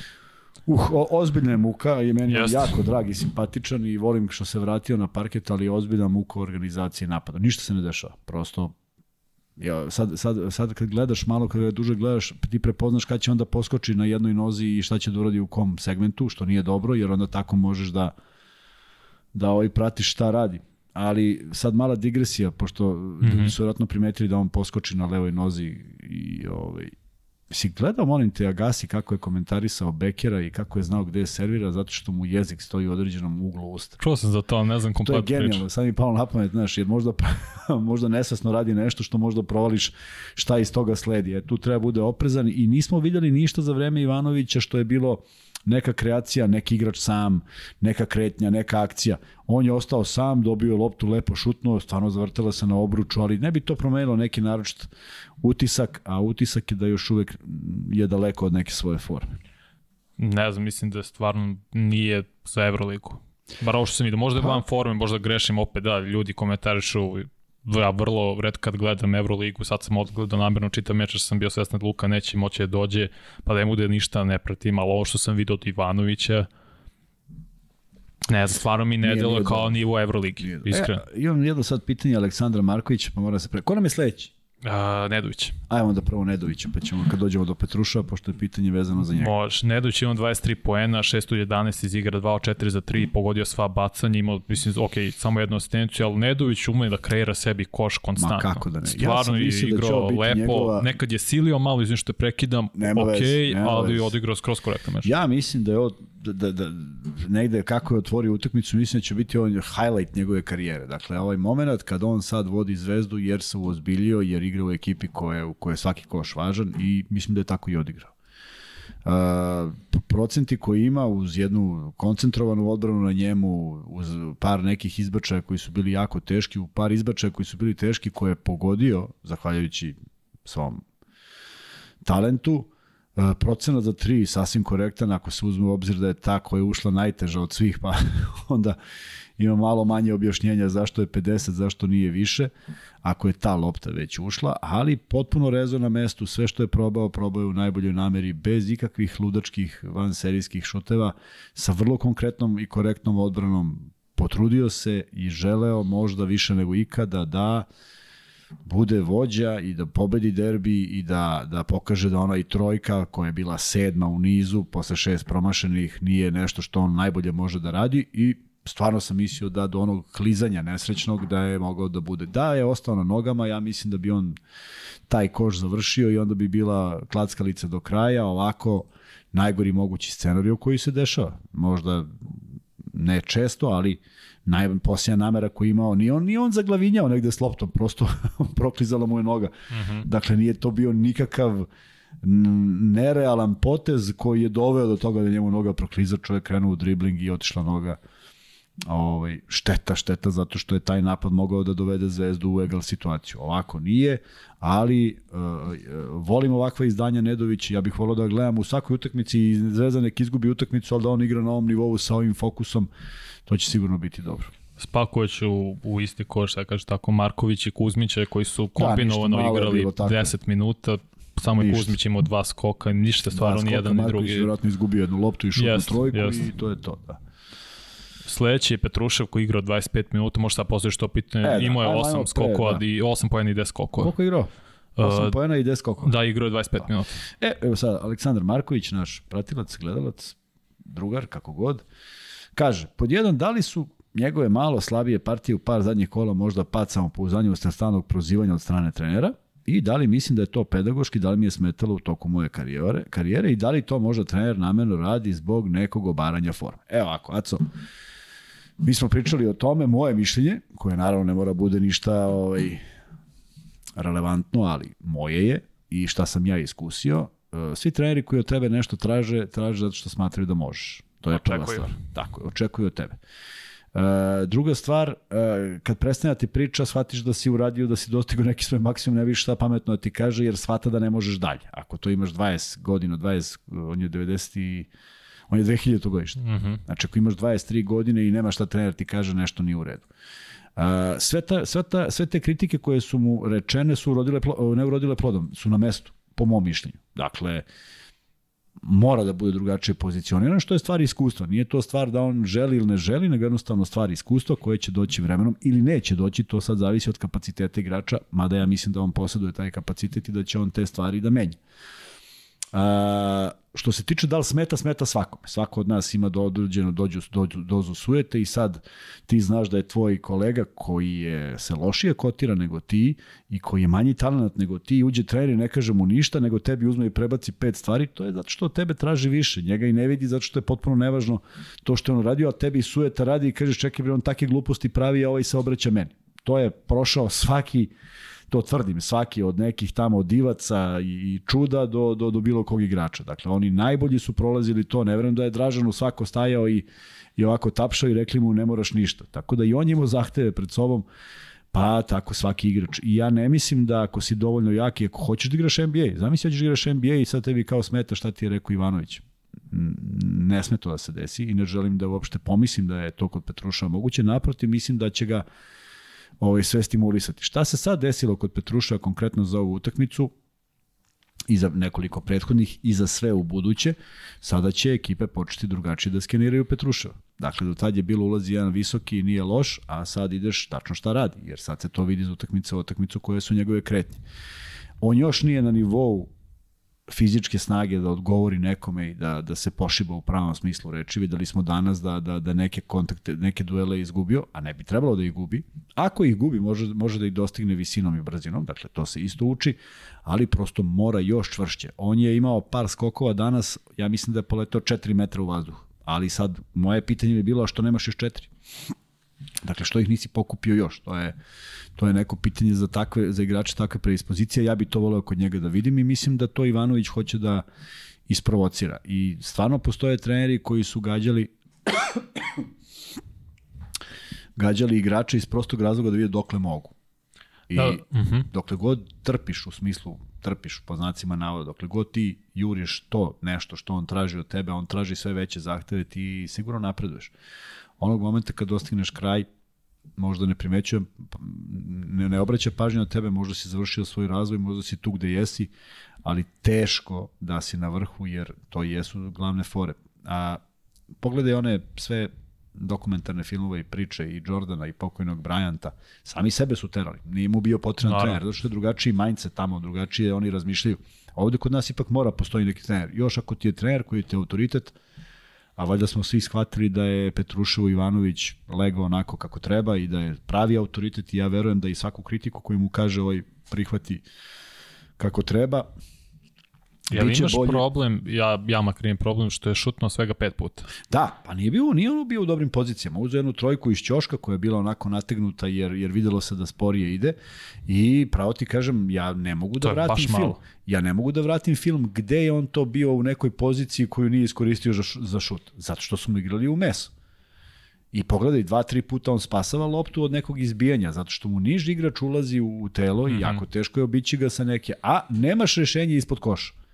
Jer to, to što je Partizan radio kada Petrušev primi loptu dole ide se odmane u dvanje, da se on oslobodi lopte. To je, to je rizik koji se isplati. Jel trebalo više prosto akcije se pozove za njega? Pa makar nek šutne 2 od 10 a ne da se drži na 2 od 5 iz igra, to je 2 od 4 za 2, 0, 1 za 3, bukvalno kao da... Da, moralo je, mora, mora više, sad, mora više, mnogo tu ima potrošača, kad imaš... Naravno, Vildoza, su, Nedović. Kad imaš Vildosu i Nedovića koji su dobrim brojima, ne treba tebi još četiri igrača koji treba da, da šutiraju, ali Petrušev sad mora i da se nametne. Znaš kako to izgleda? Mm -hmm. To izgleda kad zauzmeš dobru poziciju, pa prosto me nateraš da ti dodam loptu koliko je dobra pozicija. E, takvih pozicija nije baš bilo. Dakle, Znaš, svi mi znamo, negde prepoznajemo naše saigrače i vidiš kad je neko u dobroj poziciji, kad nije. Uh, ajde, vraćam na neki, neku priču koju sam iskusio. Bili su u tom BFC-u i Topalović i Marković. Neki ljudi koji se sećaju košak i znaju kakav je Topalović bio majstor, a koliko je Marković bio jedan onako uh, požrtvovan, borben uh, igrač koji je želeo da, da, da, baš kao Lesor, da skine loptu, da da koš, A, kad Topalović primi loptu na 4 metra od koša i zagradi se dobro, ti je daš bez problema, jer znaš da će onda pređete na 4 metra. Međutim, Marković nima takvu tehniku.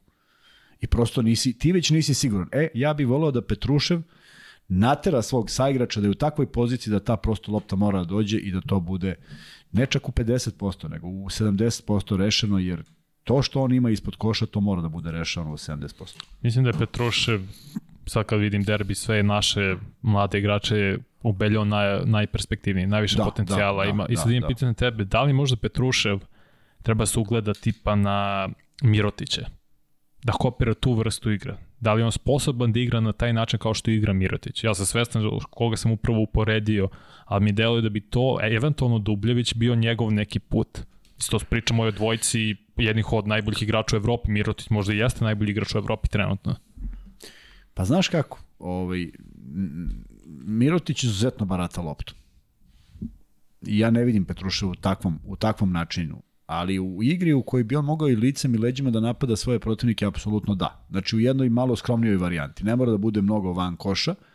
I ima taj problem što mu je šut eh, ne diskutabilan, neprecizan, nego malo duže traje. Dakle, on nije u stanju da brzo izbaci loptu pa da nekoga u driblingu. I svaki put, kada ako pogledaš snimke s prethodnih utakmica, svaki put kada on šutne iz driblinga, to je manje sigurno nego kad je primi i šutne. A Mirotić može iz levog i iz desnog, podjednako. Tako da nisu isti, razumem šta me pitaš, ali mislim da Petruša može sebi da nađe mesto čak i neke lagane petice, ovaj, gde bi izlačio ljude, što bi bio ozbiljan problem da ima taj šut i, i da usavrši malo šut i da radi na tom šutu, ne da bi šutnuo 10 po utakmici, nego samo da bi imao takvu sigurnost da kad nategne jednom pogodi potpuno poremeti odbranu koja više ne može da ga brani tako što stoji povučeno 2 metra, nego moraju da mu izađu. Ne, da se ljudi, pošto vidim da se odmah hvataju za glave u komentarima, nisam neko da igra kao Mirotić i nije mu trenutno na tom nivou. Ne nego da li... da se nerviš. Pa ne, ne nerviram se tako toga, nego mislim da, mora, da ima taj potencijal da bude to. Nije ni Mirotić razvio i baratanje levo i desno tako kad imao 23 pa naravno, godine, pa naravno. to bilo potrebno vreme. Nije on igrač sad kao što je bio, to jest ni igrao ovako kao što je igrao sa 23-22 godine, od, mislim to je logično. Zato kažem, deluje mi ima neke naznake da možda može da bude. Može, može, sigurno ima dosta, ovaj, dosta dosta prostora da napreduje, ali evo sad mi ljudi pričaju opet o nekim stvarima koje kažu da se ponavljaju opet vezano pri šutevima i, i e, tu, tu neke stvari moraju da se izmene, mora da bude fokusiran gde, gde kad, e, kad se nalazi u, u, onom momentu kada taj koš, kada taj šut ne sme da bude upućen, kada on mora da bude bliže igraču i to su neke stvari koje se ipak stiču kroz konstantan rad. E, kad kažem konstantan rad, konstantno ponavljanje. I to je ono o čemu često pričam, za to nema vremena. Znaš kako se izgledala te vežbe?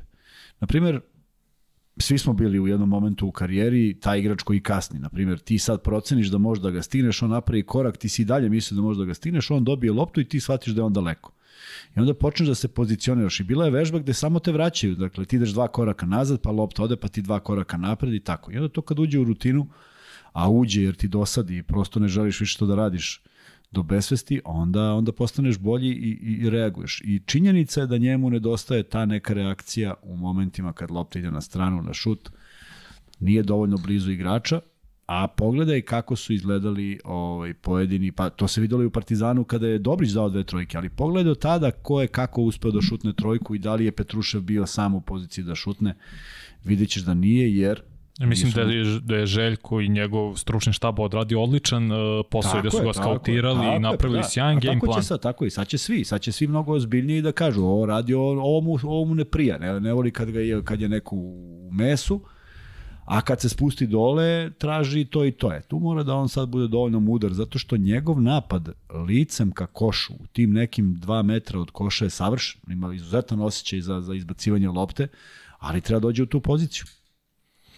Kuzma, Bentel je ostao koji je igrao 10 minuta, 2 poena, 2 skoka. Mislim da je Holland danas bio bolji, iskreno govoreći. koji nije igrao. koji nije igrao, da. Stvarno mislim da nije... Ovaj... Mislim, Bentel je startovao isto.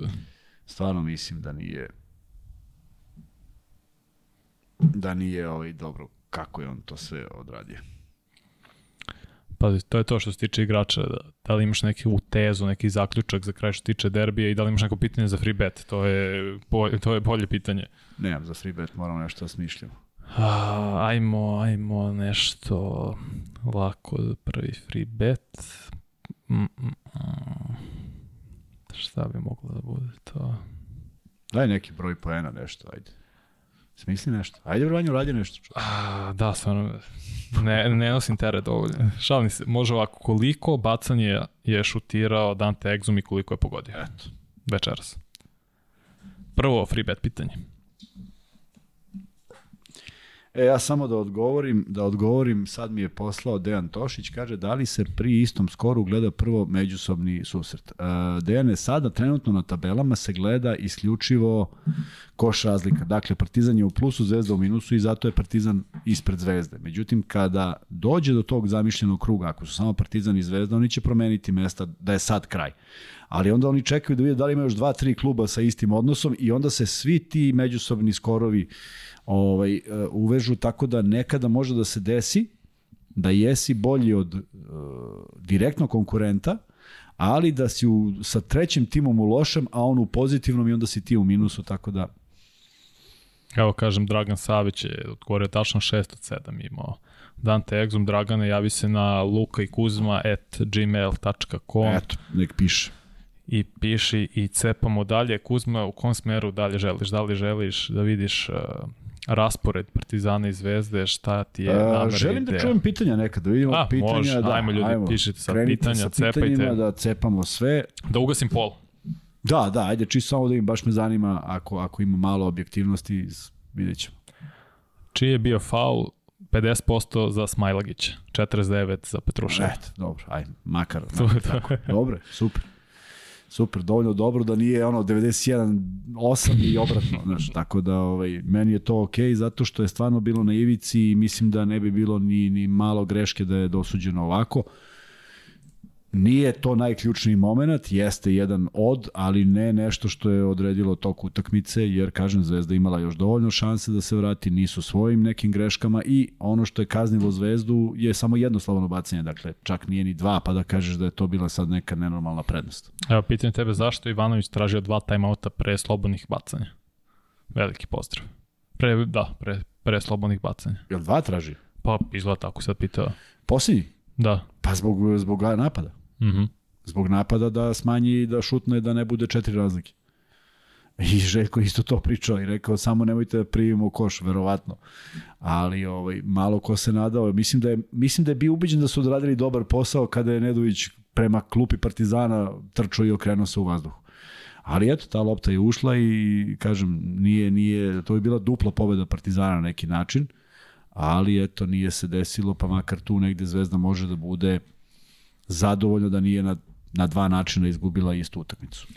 Uh, pitaju šta je sa Dobrićem, hoće proigrati. I mišljenje o Mitroviću. Pa Dobrić da li hoće projekt? Čovjek dao drugi, treći strelac ekipe, koliko je dao? 15 pojena, 13 pojena. Sad ću ti kažem tačno koliko je Dobrić. Pa, dao, mislim, samo sekund. Pogodio dve trojke. dao Dobrić imao baca- 13 poena, ali Da. mi- ja mislim da ljudi nisu... Uh, šta je, ovo je realnost i granica nekog Dobrića. Da, pitanje je da li može. Ja, ja bi više volio, ja bi najviše volio da je on još ona dva ulaza. Pazi, to je 17 poena, je li tako?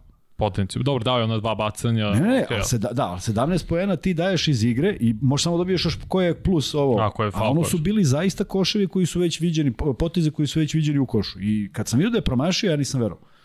Nisam verovao jer mi je sve delovalo ovaj, potpuno normalno. Tako da tu neke stvari, kod, kod njegove neke sigurnosti, kod tih izbačaja, ne znam da li može se promeniti. Pa, mislim da je ovo limit i to je okej.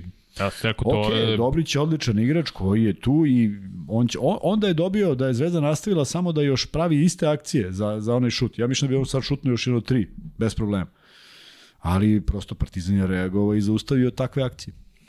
Idemo dalje, idemo dalje. Mišljenje o suđenju objektiva. Mislim da je bilo suđen skroz okej. Mislim, bio... Plus, minus, meni, meni je čak naj... Znaš, sad, sad, sad, ajde samo se setite svi, vjerojatno ste svi gledali, meni je najčudniji moment, potpuno besmislen, potpuno bizaran i dešava se u prvom minutu utakmice. I stvarno mi nije jasno. Pa ako možete pomozite mi ili ako ima neki sudija. Dakle, u, u naše vreme kada dobijaš loptu i ispadne ti iz ruke, to je računalo, računalo se kao dribling.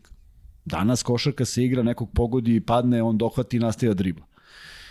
Jedna loša lopta ka Bentilu, gde je on pokušao da je uhvati, ne hvata, je ona udara u pod, on je hvata i pravi dribling, to su bile, to je bila dupla lopta. Ja to ne pamtim da sam video u Euroligi, sad ću dođem kući da premotam sve utakmice, da sam video da je neko svirao taj kontakt sa loptom, kad te, na primjer, iznenadi lopta pa ti ispadne, ti najnormalnije nastavljaš dribling. I ovde su svirali duplu. A ja to ne pamtim kad sam video da je neko svirao. Ako neko možda mi pomogne ili možda ja nešto grešim, ali mislim da je baš bilo tako.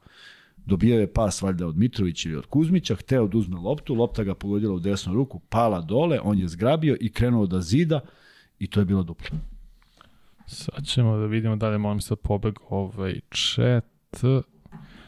Uh, koliko je falio Hasan Martin? Ne znam, mi kad neko fali, onda znaš, odmah fali. odmah fali. Evo, evo na primjer, eh, jedna lepa, jedna simpatična vest od juče, prekjuče, kad je onaj naš omiljeni igrač Russell potpisao za Galatasaray i Ristić je odigrao fenomenalnu utakmicu. I logično, ja se radujem kad Ristić odigra dobru utakmicu i mene on fascinira u reprezentaciji ovo što je uradio i sve mi je super oko njega, ali kaže taj naš drug koji je napisao, kaže trebalo je Zvezda da dovede Ristića. Pa jeste kad pročitaš da je dao 19 pojena. Ali ja, ja znam kakav smo narod. Taj Ristić kad bi dao dva, ja garantujem da bi bilo bar jedno 30% ljudi koji bi rekli, a znaš da je onaj Bentil bio slobodan? Da, 100%, to tako ide. to tako ide. E, da nam je Bentil bio tu. Tako da ljudi, pitanje je koliko bi se ti igrači uklapali, nije, ne, ne uklapa se svako u, u, u istu ekipu, koje bi uloge dobili, da li bi ih prihvatili te uloge, da li bi on igrao nešto svoje, da, to je hiljadu, zašto hiljadu, zato sećate se one knjige što smo imali kao klinci. Hiljadu, o, jasno, čak da ima. A gde igra, izvini, Riš sad? Pa igra u Galatasaraju sa, sa Ken Russellom. Russell Crowe. Mislim da bi bio malo veći pritisak da igra u Zvezde pa, ili, ili da u Partizanu. Pitanje kako je bilo, pa da. I sad, i dobro, i sad, ok, zamisli, Duško Ivanović kaže, Ristić, ti moraš dole post-up, a on šutne one njegove tri trojke koje pogodi u reprezentaciji, svi padne mu nes od sreće, ali zamislimo da to igra. Nešto, neko bi trpeo. Da, sad pitanje... neko bi dvojica trpeo. Vezaću i za Partizan i za Zvezdu. Ajde. Koliko je realno da jedna i druga ili i jedna i druga završi sa 18-19 pobjeda? Pa, Sad imaju obe ekipe 10-11. Jeste, i ima 13 utakmica. Tako je. Tako. Znači, morali bi da dobiju 9 od tih 13. Nije to nemoguća misija. Nije ni pretrano moguće. Ali sve zavisi od toga kako igraš. Evo, a, da vratimo samo sad, pošto ajde da govorimo sad o derbiju. Glupo je pričati o derbiju i reći mogla je Zvezda dobije. Partizan je dobio i tu je kraj. Ali, Žalgiris je Zvezda imala dobijenu utakmicu i samo da vratimo da je, da je protiv ovoga, protiv Baskonije Partizan imao dobio. Nijednu više. Ni jednu utakmicu više. Koliko je to? Mm. 11 11 je tako? Da.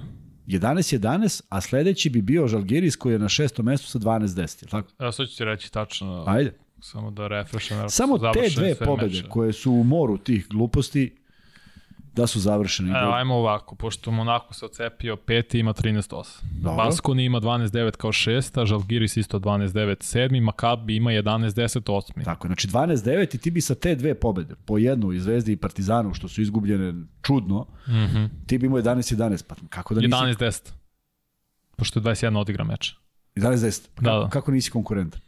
Tu smo, misli, pazi. A to kažem, u kom segmentu nisi konkurent? Da, da, Valencija ima 11-10, Efes 10-11, Jel danas Efes izgubio? Uh, mislim da da. Sad ću da ti kažem. Ja mislim da jeste. Od Baskoni. Da, da, da. I šta sad, je li Efes dolazi Partizan? Da, Efes izgubio je 114-111. Pričat ćemo o ostalim mečevima. Da, jel, jel, dolazi Partizan u Efes? Mm, mislim da da, sad ću da pogledam. I sve jedno, jel ide Partizan Efesu? Pa šta je tu više nemoguće? Pa svi su ranjivi, svi su ozbiljno ranjivi. Nikada ovako nije bilo da si mogao da pobediš na strani neke koji slove za glavne Partizan favorite. ide Efesu 16. marta. I šta je sad tu nemoguća misija da se odigra dobra utakmica? Pa ako odigraš dobro i oni znaju da budu u problemu. Pazi. I Bayern ih je pobedio. Ja ne vidim da Bayern i Partizan mm. mogu da budu ovaj, da bude velika razlika. Ako je Bayern pobedio, što ne bi pobedio Partizan, ono, što ne bi Zvezda. Ono što je super za Partizan je poslednjih pet mečeva, od tih poslednjih pet, četiri igra kod kuće. Samo je Monako u gostima. Da, odlično, odlično. To, samo izdržati, I to su tri ja, samo izdržati do tada, tako je. Samo da, izdržati da. do tada, tako da sve to nosi nešto svoje. Treba da budeš u dobroj formi, treba da igrači budu ako je tako moguće reći, maksimalno rasterećeni, da podeliš tu minutažu kao što je danas urađeno, možda više nego ikada. Meni deluje da su, da su kad, kad sam vidio da je na semaforu devet igrača postizalo poene, ja mislim da je devet, možda čak i deset. Partizanovi? Da. Ledej, Avramović, Panter, Smajlagić 4, Exum 5, Naneli, Lesor, Andjušić, Madar. 9. 9. To ti kažem, znači svi koji su bili na parketu, samo Trifan nije dao koš, tako? Tako je, Trifunović i Papa Petru. To je, i, e, 11 je igralo, 9 je dalo. Dakle, to je nešto što je Zvezdu krasilo, pa imala jednu utakmicu, 11 igralo, 11 dalo. Tako da, to su vrlo bitne stvari da se ti igrači rastereti, da ti možeš da igraš dovoljno konkurentno, a da se oni odmaraju kad kažem odmaraju da ne, ne igraju svaku utakmicu po 40 minuta. Pazi, raspore Partizana, sad ide utorak Asfel kod kuće. Da. Onda ide naredni petak, 3. februara, Žalgiris. Da. U gostima. U gostima. To je bitan meč, mislim da će to biti jedan ključnik. Pa zatim Bayern, isto u gostima. Pa onda ide Fener, pa Alba, to osobe kod kuće, zadržat ću na narednih pet. Dosta je, dosta dobar raspor i to je, sad, ajde, ajde, samo, ajde da uzmemo četiri, uzmi četiri utakmice. Znači bez Albe posle Tako, Fener. Tako, može Partizan do tri pobede. Pa ja bi trebao, trebao bi sledeći tri odobiti. To je cilj, pa to je cilj. Zato Zato kažem, ako, ako Zvezda i Partizan hoće u top 8, u naredne četiri mora dobiju tri. Tako, samo da pogledam. Dve je, dve je, mm, zavisi od mnogih drugih stvari, ali tri od četiri, ja ne vidim da je nerealno, ne vidim ni da je mnogo realno. Ako Zvezda odigra kao što zna da odigra, ako odigra kao prvo vreme danas, mm -hmm. neće mhm. pobediti nikoga do kraja ali ja verujem da oni neće igrati tako ovaj, u buduće. A, ne vidim da, da Armani ili, ili Virtus predstavljaju takav neki težak problem da je nemoguće. Tako je, Virtus, pa Armani, pa Maccabi, pa Alba. Pa eto, I to isto, bez tri pobede, stvarno, Makabi je kod kuće. Maccabi u gostima. Makabi, Makabi u gostima. Tri u gostima. Tako je. A do? To je Tri to. u gostima, A, mislim dve u. Italiji, to je Ma, okej. to je to, tako da. I kući posle Alba, mislim da to je stvarno Zvezda i Partizan bez tri pobedne, minimalno. Tri, ako izvuku jedni i drugi, onda možemo pričamo onih posljednjih devet utakmica o, o, o top 8. Ako izvuku manje, gledaš u pasulj, ako izvuku po jednu, ne gledaš više ni u pasulj. Sad, a, nekoliko pitanja. Šta misliš o protoku lopte u napadu Zvezde? Im, imali su mali broj asistencija Jeste. koji je bio jedan Sve je od lošiji, faktora tako za je. konačan rezultat. Tako je, sve je lošije od nekih momenta da je Zvezda imala po 20 asistencija, došlo se na to da je svako tu rešava, rešava ovaj, na neki svoj način. Nema, nema one slobode, nema nema dobrih pasova. Ja sam, na primjer, danas zapamtio asistenciju koja mi je ostala u sećanju, ona fantastična reakcija Luke Mitrovića kad baci loptu u ovome Lazareviću. A nije tu bilo baš nekih asistencija da ih se sećamo u hahaj. Da vidim da li sad se uhvatila neka rasprava i polemika i dosta hvataju... Nidža 995 kaže, dupla lopta koju ste pomenuli se smatra nekontrolisanim vođenjem. Smatra se da dribling nije započeo. Pa ja kažem, ja sam, a zašto je svirana du- dupla? To pitam Nidžu. Ja pitam Da. zašto su svirali duplu ako dribling nije započeo. Sad se ljudi dosta hvataju na ovih Avramovićevih 8 sekundi, mislim da je to stvarno... E, neko je napisao da li je tu bilo podbacivanje, znaš, na primjer i to. Pa s kog je, sat, s kog je momenta krenuo sat i tako dalje. Stvarno ne znam.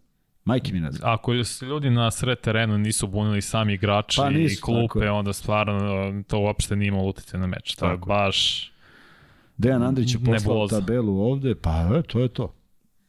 To je to, sve je dostižno. 21 utakmica, tu su svi, ne mogu kažem svi, ali od šestog mesta su svi dostižni još. Da, da, Prema apsolutno. tome, samo korak po korak i ovakve utakmice. Zvezda ovakvo drugo polovreme da odigra dva polovremena, Partizan da, da završa utakmica ovako i to može da bude dobro. Pazi, kod zadržat ću se zapravo na naredne tri, zato što od 9. februara do 23. ima pauza od dve nedelje zbog kupova i sve to. Tako da mislim da Partizan i Zvezda, zato Zvezda ide u Makabi nakon dve ove. Mislim da Partizan i Zvezda trebaju sve tri pobede. Dobro, ako tako I, I misliš. to je moje mišljenje. Ne, stvarno, jer pred kup, pred to pauzu i od Euroligi i od svega imaš tri utakmice koje nisu preteške, koje su, igraš sa timovima koji su podjednakih snaga, je tako da se izrazim. Ne vidim razlog zašto ne bi izvukao sve tri pobede. Slažem se s tobom, ali kažem, ja sam ja, ja nisam neko ko je euforičan, niti se ja nešto preterano, ne preterano, prerano radujem, nikad, niti ikad mislim da je neka utakmica završena. Ali da mi je neko rekao da uložim sve na 5 minuta Zvezda Žalgiris i da će da izgube, rekao bi da nije moguće. Prosto matematički ti treba još 4 poena i to je već teško dostići. Ali desilo se. I to je sad jedan veliki, kako god to ne razmišljali, to je jedan korak unazad, e sad ti treba da ga nadoknadiš. Može da ga nadoknadiš jer si ga nadoknađivao u drugim utakmicama sa mnogo jačim protivnicima, ako tako nešto postoji. Prosto neko ti leže, neko ti ne leži.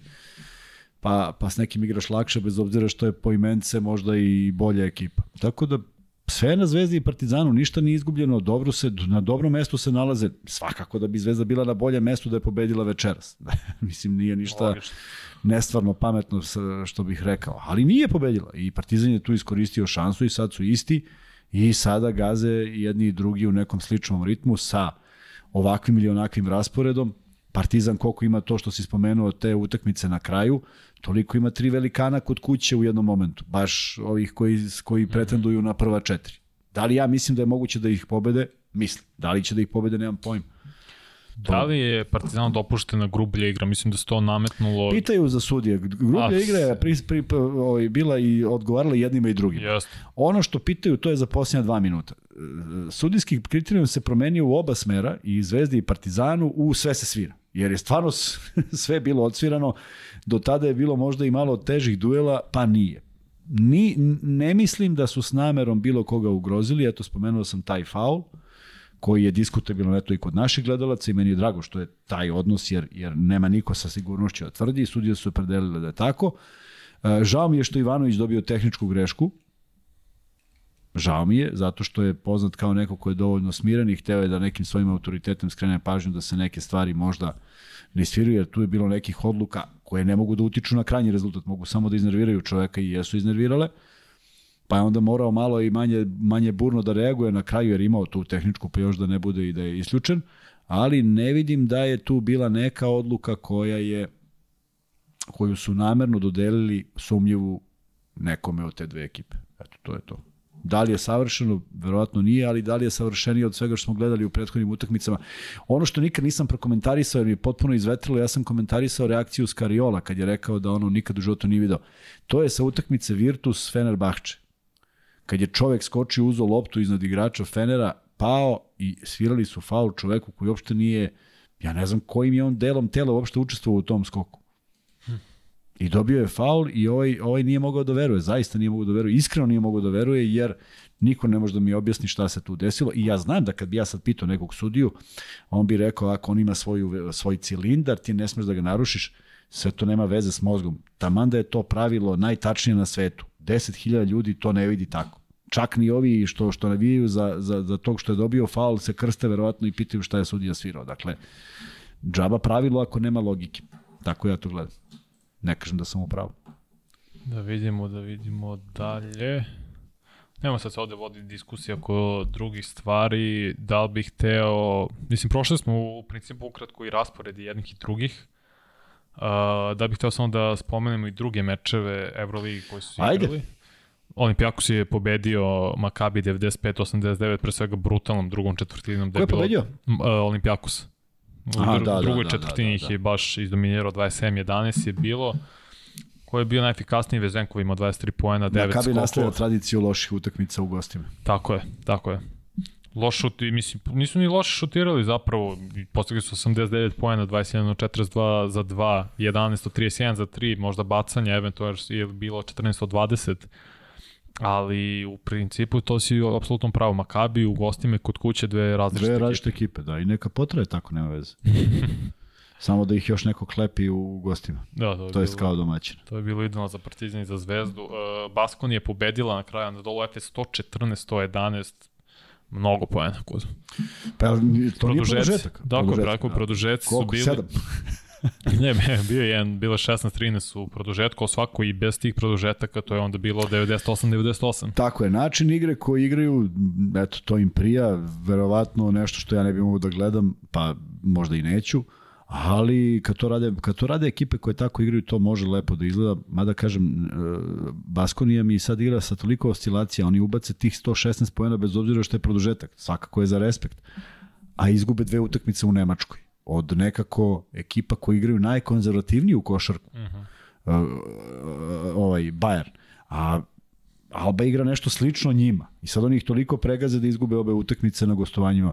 Prosto neverovatno. A de, de, de svi ostali timovi računaju na nekakvu pobedu kao kapital, tu je Baskonija koja slovi za top 8 izgubila. Tako da vrlo lako može da se okrene sve to što se Baskonije tiče ovaj, da, da ode u jednom drugom pravcu. Ne znam da li će, niti ja to predviđam, ali ništa nije nemoguće. Sve te neke šokove koje smo već videli kod Fenera koji je imao strašan start, pa evo sad ne mogu da se sastave, E, Panatenikosa koji odigra dva poluvremena kao da su izašle neke dve druge ekipe, kao da to nije to.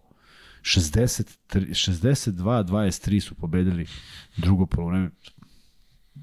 E, zato, zato ovaj, e, po- pošto, pošto i dok traje utakmica, naravno ljudi pišu neke svoje utiske, evo da im, da im samo nisam uspeo tada da im skrenem pažnju i za Partizan i za Zvezdu, dešava se jedni i drugi, da samo budu malo strpljivi, utakmica traje 40 minuta, to, to kad na, on, on dok kuca poruku, ovo više nema šanse da se stigne, ono padnu dve trojke i ova ekipa koja do malo pre nije mogla da stigne vodi, tako da budite strpljivi, ovaj, verujte u svoje, svoje igrače za koje navijate, zato što je sad u košaci mnogo drugačije, sve, sve je brže, sve je moguće, da nadoknađuju se neverovatne stvari i, i treba verovati do kraja, dok kad sudija ne svira ili vidiš da stvarno ni matematički ne može. Mada sam se stvarno negde u jednom trenutku gledajući Vildosu na drugom bacanju e, na tri razlike za Partizan zamislio da li će da zvizne loptu u obruč i da pokuša nešto. Zaista mi je prošlo kroz glavu i žao mi je što nije. Kuzno, koliko utičeš to na, ajde sad na zvezdu, pošto ima 10-11, a minus 43 koš razliku. Nema to nikakve veze. Ništa. Mm. Pa mislim, pazi, da se pogodi da imaju identičan odnos, identično, pa da se gleda koš razlika, onda stvarno bi bio maler.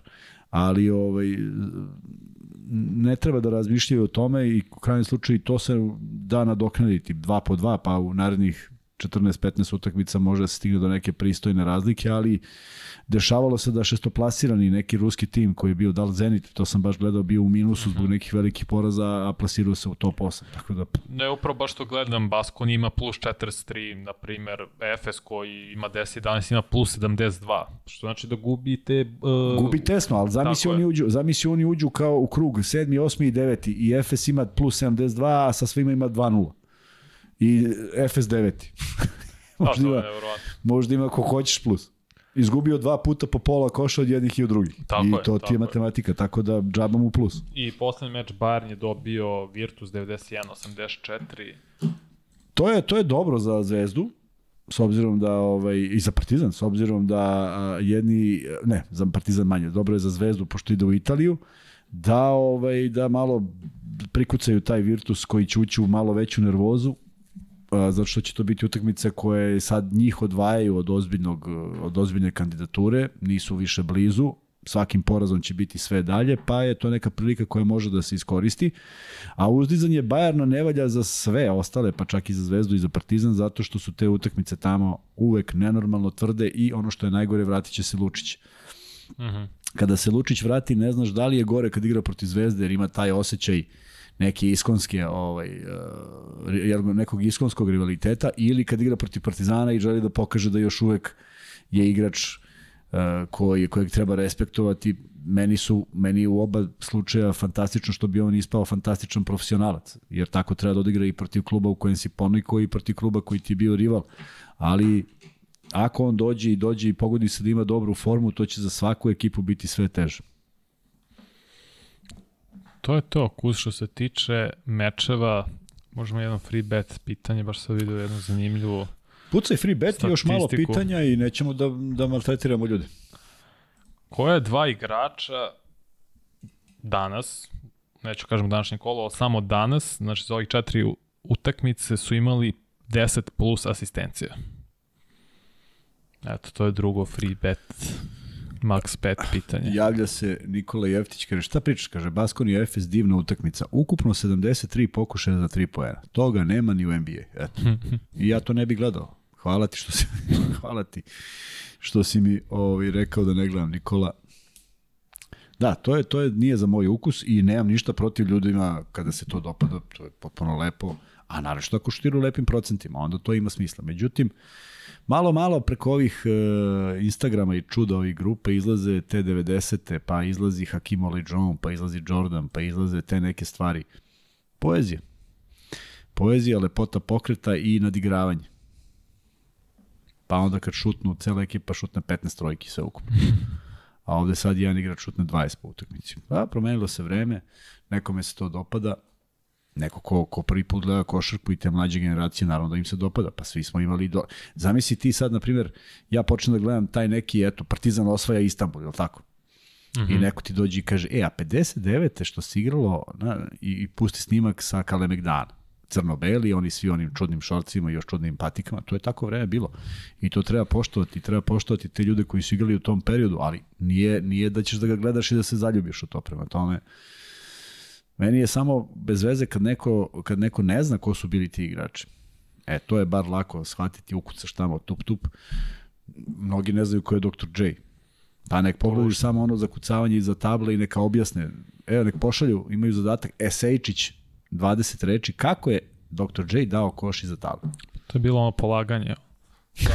Da, da, kad je otišao s jedne strane pa se vratio. Protiv Lakers. Yes. Uh, Savo, priznaćemo ovo, pošto mu fali O, ali Thompson i Vokap. Thompson ima 16 asistencija, Vokap iz Olimpijakos ima 12. Pihaj. Tako da, svaka im čast. Eto, Savo, javi se na mail lukajkuzma at gmail.com. I Kuzma, šta ćemo dalje, nema predstavu. Ovo Luka radi mnogo bolje. Da imamo ABA liga, si igra ABA liga? Sad, uh, igra se, da, da, i odigran jedan meč, ajde cepaj to. Da, da, da, da, da, da, da, vidimo, da vidimo, da ja se izvinjava. Da, Zadar je pobedio borac mo, Mozart 85-75. Igrali su danas od 6 časova. A sutra igra i Gokeja protiv Splita. Igra uh, studentski centar protiv MZT-a. U nedelju igraju Cibona protiv Mege. FMP igra protiv Crne zvezde. U nedelju u 3 Cedevita Olimpija, budućnost, to će biti to vjerojatno i derbi kola. Pa derbi kola, ali sad gledao sam tabelu ovih dana i vidim mm -hmm. da tu sad uglavnom je konkurencija ovaj, za, za, to, za taj plasman u play-off. E, teško nešto može da se baš naročito menja osim ako ne ubace u neke brzine pa, pa CDVita i budućnost naprave neke ekspresne rezultate, a Partizan i Zvezda dožive ipak neke malo verovatne i nepredviđene ovaj, uh, poraze. Jedan, jedan naš gledalac se naljutio kako smo ni podoštavali CDV-tu, kako ona može da se nada pobedi protiv Zvezde. Kako bih rekao, ja mislim da uz... Pa mislim, uz, talenat, očigledan... Prosto, prosto, naravno da može. Može da se nada i borac iz Čačka. Nemam ja nikakvu... Uh, igrao sam u malim klubovima i uvek smo se nadali, ali prosto izdješ na teren i vidiš protiv koga igraš, pa ti od nade ne ostane baš mnogo. Ali, ali ako smo nekog uvredili u CDVT, ja se izvinjam svim navijačima CDVT i igračima naročito. I poslednji meč je Partizan protiv Mornara istu nedelju. Da, Partizan Mornar nedelja, a da, ja sam teo da imam, ovaj, teo sam da vidim uh, situaciju na tabeli. Evo ja ću ti kažem. Pa evo sad kad otvaram pa da imam. Mhm. Mm -hmm. Ja otvaram, da, dobro, Partizan 14-2, Zvezda 14-1, tu je ostala ta utakmica protiv Zvezde koja će vjerojatno biti odigrana na kraju. Je li tako? Jesi čuo nešto? Nisi. Nisam. Ali vjerojatno na kraju lige. E, FNP 12-4, CDVita 12-3, to je ta zvezda, utakmica protiv Zvezde. Dakle, vrlo bitna za CDVitu, da li će biti, pa evo sad, treća ili četvrta kako stvari stoje. Eventualno, e, e, ako budućnost sada pobedi CDVitu, približava se na jednu, jednu pobedu razlike, ako Cedevita pobedi Zvezdu, onda i na dve. Tako da je tu u tih nekih prvi pet ekipa eventualno Zadar, ali mi Zadar ne, ne, ne, ne uliva poverenje da može da traje, da bi mogli da skinu baš budućnost. Imaju 17 utakmica, jednu više, imaju 9-8. Dakle, u preostalih 9 utakmica treba naprave baš čudovišno dobre rezultate. SC derbi vrlo sličan kao i prošle sezone, nalaze se na sedmom mestu i evo Mega se umešala, iako je u jednom trenutku bila tamo sa MZT-om skroz dole, ali tu su i Mega i Cibona i Split na jednu pobedu razlike. Koliko prolazi? Šest? Osam. Osam, pa da, okej. Okay, da. Osam. E sad tu ima onako vrlo čudno što je Borac već tu na 11. ali u stvari ovaj, on ima mnogo utakmica i Gokeja ima dve utakmice manje, tako da oni mogu do 7. Biće tu vrlo interesantno jer sad, sad ima, dobila je, dobila je Liga neku draž sa tih osam ekipa, znaš, ipak svako želi da malo produži takmičenje i mislim da će biti ozbiljno dobra konkurencija. Neće nam, ne verujem da može da promeni nešto u one prve četiri, ali bar će biti dobra konkurencija. To je to. Da, evo, kažu ovde, javljam, javljaju mi ovaj, da, da Kampaco Vildosa naravno neće, ne bi mogli da igraju za ovu, na ovoj utakmici protiv CDVite i da, da, to može da bude i kiks zvezde, naravno. Ne mislim da ne može na gostovanju da bude, to apsolutno.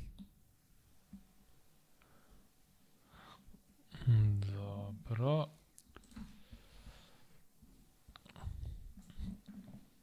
Da, vidim da piše da je Stefan Adonić prvi odgovorio, ali mislim, malo je više izmašio slova u odgovoru. Sad, to ako uzma, hoćeš ti da priznaš slobodno. Koji? Koji odgovor? Pa je, bi se odgovorio je Vaka o tom PMS PON, mislim. Umašio poprilično u slovima sad. Šta? Možda, možda muca čovjek. Pa ne znam, mislim, vratno te što brže da otkuce, pa je omašio poprilično slovo. Mislim, zato sam ja priznao Savi, zato što je ispod njega bio i E, lepo smo raspoloženi, nek pošalje obojicu. Eto, ko uzme naše idealno rešenje, da. znači Stefan isto Samo nemojte ko je prvi ko Boga vas molim. Da. Uh, Nidža piše, ja pretpostavljam da je Nidža sudija, pošto ima dosta ovako nekih finih komentara vezano za suđenje, pretpostavljam, ne znam. I kaže ovako, Ukratko osvrt na suđenje koje se konstantno komentariš. Izuzetno je teško prilagoditi se konstantnoj promeni pravila i kriterijuma iz ugla sudija. Konstantno svake sezone se pravila značajno menjaju i samim tim dolazi do jasnoća. I to mogu da razumem. Ja, ja sam čovjek koji je tvrdi da veliki broj pravila malo ubija sve, pa i zakone, ako ih ima premnogo, potiru jedan drugog, tako da ja bi nekako da bude što jednostavnije. Promene ne diktiraju sudije, nego određeni bord trenera i košarkaških radnika, a sudije se dovede u situaciju da su stavljeni pred svršen čin. I to ne valja, zato što bi sudije morali da imaju neku glavnu reč kada, kada sude nešto, kad ostane dosta nejasnoća, ali valjda je u svim tim sistemima tako, ne kreće se od, od ozdo na gore, nego jednostavno donese se neka odluka i onda kome se dopala, ne dopala. Možda mi stvarno gađamo pogrešnu adresu, ali oni su eksponirani. Možda, možda je za neki promašaj e, večeras kriv trener koji je nekog igrača učio šutu, ali ne vidimo ga, vidimo ovog što ga plaćaju, pa onda je on kriv. Znaš, više Stefan i mucam u stvarnosti što je najgore. Stefane, to je bila šala, ali ovaj, dobro je for.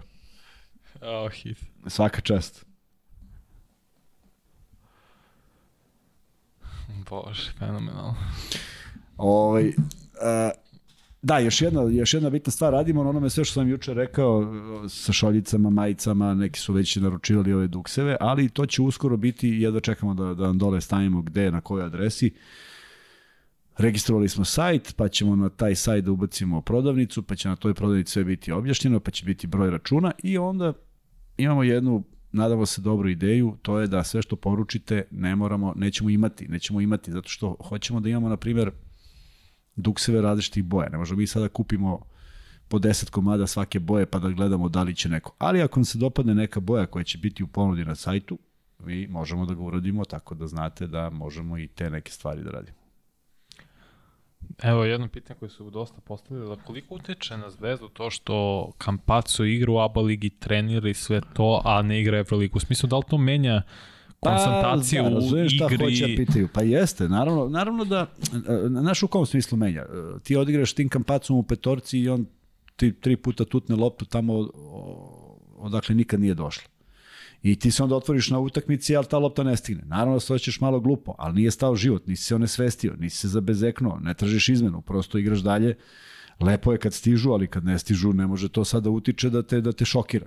Prosto, mislim, Zamisli, odeš u reprezentaciju, igraš sa nekim velikanima, vratiš se svoj tim i zaboraviš da igraš. Ne ide to baš tako. Tako da ima uticaj, ali ne toliko koliko mislite, jer je mnogo lakše navići se na nešto dobro nego da sad ti se resetuješ pa se vratiš ovaj, u neki problem. Prosto sa tim igračima si igrao duže i naviko si, ovo samo može bude otkrovenje neko i da mnogo lakše postižeš poene pa se iznenadiš kako može, ali se onda vratiš u realnost i shvatiš da nemaš igrača koji to može da doda. I sve je okej okay kad to shvatiš. Uz da je neko kon, ono, poslednje tvoje mišljenje što se tiče večerosnjeg podcasta i o meču i o trenutnoj formi Partizana i Zvezde i šta očekuješ ja, i, ja, ja, da, ja i dalje mislim da je bila dobra utakmica, prava utakmica. Ja kad bi svaki derbi bio ovakav, ja bih uživao. Večeras ne samo sreća, nego i kvalitet je bio na strani Partizana. A, koreografija i sve što se dešavalo, sastavni deo folklora, bilo je zaista divno biti u pioniru ja bih više volio, ja bih ponekad volio i da sam u ovaj da sam i u areni, ali ne navede me put. Prosto nemam nemam običaj da odem, ali mislim da i tamo podjednako dobro. Uh, posmatram iz ugla čoveka koji voli košarku i koji je srećan što ima priliku da gleda Euroligu, živimo u vreme kad gledamo u Euroligi dva naša kluba. Ne bih voleo da za dve godine pričam sa setom kako je to bilo te 2023. i druge kad su igrali, nego da jednostavno oba ta kluba dobiju neku svoju neko svoje mesto u tom košarkaškom svetu, da ima manje tenzija, da ima neke bolje saradnje, da se nešto iz toga dobro proizvede, a naravno da postoji taj rivalitet koji je od uvek postojao i sam sam akter nekoliko, nekoliko derbija, mada u ono vreme kad sam ja igrao bio je veći derbi, nažalost, nažalost, nažalost Zvezdaša, bio je veći derbi budućnost Partizan i to je bio spektakl za sebe i još je bilo malo drugačije malo mnogo drugačije, s tim što nismo bili cigari, nego smo bili ustaše. ali, ali to mu dođe na isto ovaj, u folkloru nečijem, kad ne znaš šta ćeš, kažeš nešto drugo. I ovaj, iako je u tom trenutku cela petorka, nijedan nije bio, ja mislim, ili možda samo Dev Radinić je bio ovaj, iz, iz, iz Podvorice, svi ostali su bili iz Srbije. Tako da ovaj, sve je to bilo dobro i utakmica je bila izuzetno interesantna, bolji je pobedio, okriću se novim obavezama. Šta si rekao, koga čeka Partizan? Mornar, a Zvezda? A Zvezda FNP. A Zvezda FNP. Dakle, koliko god posmatrali ABA ligu kao takmičenje u kojem nema konkurencije, sve te ekipe žele da pobede sve te ekipe žele da sruše i da naprave nešto u toj sezoni i da se priča o tome i kažu ej, pobedili smo ove, tako da kakav god Mornar bio, koliko god neko mislio da igrači FNP-a ne žele da igraju protiv Zvezde, ja ne verujem u to. I ovaj i sad će tići hiljade nekih poruka kako, kako mogu da igraju u istom klubu i tako dalje, ali ljudi stvarno manite me toga. ne, znam, ne znam šta bih uopšte odgovorio na takvo pitanje, pa i ne odgovaram. Iz prostog razloga što uh, tu ABA ligu nisam ja smišljao, nego su na tu ABA ligu pristali neki zvaničnici iz velikog broja. A ti si kriv za sve. Mada sam ja, da, kriv što ovaj podcast priča o tome. O, ovaj, to su neki ljudi koji su dogovorili oko neke stvari i pristali su na neke uslove. Da li su to uslovi, mene niko nije pitao ništa, da li bi se ja složio s njima, možda i ne. Tako da ne moram ni sada da se slažem ili ne slažem. Ta liga postoji po tim pravilima, neki mi, neki mi napišu i kažu svi znaju da je to Čovićeva privatna liga. Ja, ja zaista i sve snage pokušam da, da razumem kako. Ne, ne ide mi prosto da shvatim kako je to njegova privatna liga, ali ako svi znaju, onda ja jedino ostajem uskrećen što ne znam i prosto ne vidim, ne vidim da neko mora da bude deo te lige i uopšte ne vidim šta je problem da se ta liga transformiše, promeni, bilo je nekih pokušaja pa su ostali isti, iste ekipe, bilo je nekih e, trzavica pa su ulazile ekipe ad hoc, kako je kome palo na pamet. Bilo je momenta kada treba da ispadnu dve ekipe pa se prošire liga. Sve to niko nikad nije pričao, a ja sam to sve smatrao problematikom koja treba nekog da interesuje. Međutim, nikog nije interesovala, sad mene ovo isto ne interesuje, jer nemam nikakve ovaj, dodirne tačke sa ABA ligom i sa bilo čim. Nažalost, uh, učestvovao sam od osnivanja ABA lige, prva, i nikad neću zaboraviti tu sezonu kad su nam na neki način uvalili ABA ligu zbog šireg interesa, pa smo igrali Jugoslovensku ligu, Evroligu i ABA ligu. Tri utakmice smo imali u nedelju dana, to se nije znalo ko putuje, ko, ko ne putuje, ne znaš s kim igraš, ne možeš da skautiraš ekipu, ideš samo igraš i samo igraš i onda je bio pakao, u jednom momentu smo prekinuli sve to, pa smo slali mlađu ekipu, juniore smo slali umesto nas u ABA ligu, pa je budućnost te prve sezone zauzela neko sedmo ili deveto mesto, a mi nikad jači sastav, zato što prosto nismo uopšte mi igrali.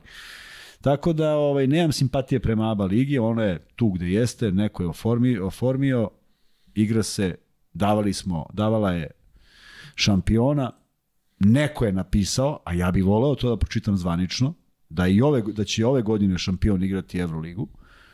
Nisam uspeo da nađem, ali ja možda nisam neko ko se dobro snalazi na internetu pa ne može da nađe.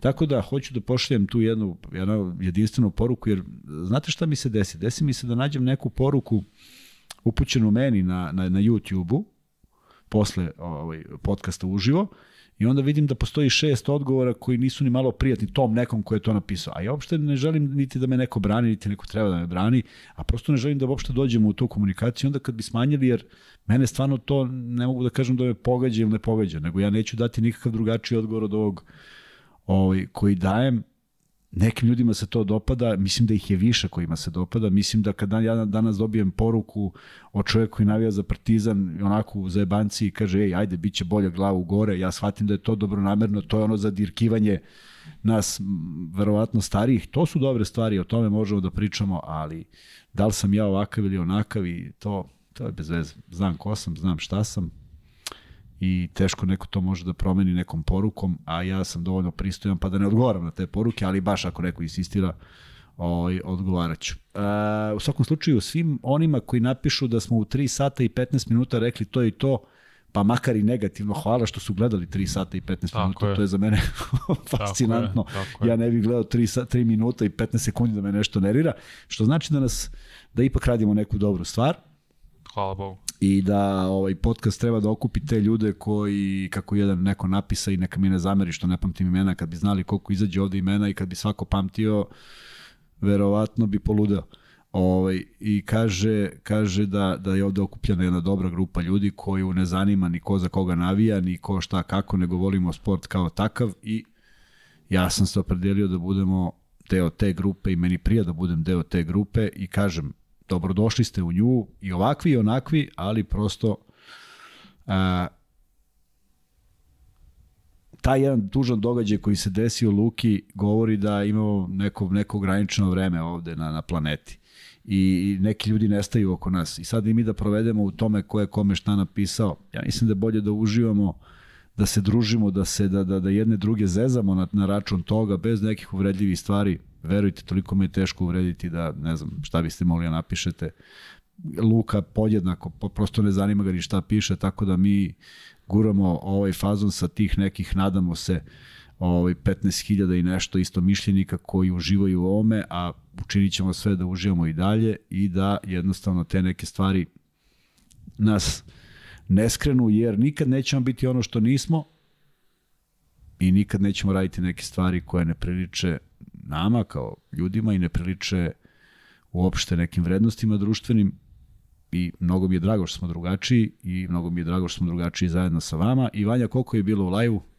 U nekom momentu je bilo skoro 2300, sad je I, 1800. Tako, i fenomenalno mi je što je tu 2300 ljudi ili 1800 ili koliko god, što nam daje zaista veliku energiju da evo ja ovako sam mlatim sati 45 minuta, nekome sam vjerojatno bio dosada, nekome se dopalo, neko će sutra da gleda, ali nije ovo lako, a nismo hteli da vas izneverimo da nema podcasta, tako da sad već posle ovih ovog monologa od početka večeri moram da završavam, da vam se zahvalim na još jednom dobrom druženju, na, na, na divnim porukama koje ste poslali, na velikom broju pitanja, nadam se da smo neke odgovorili.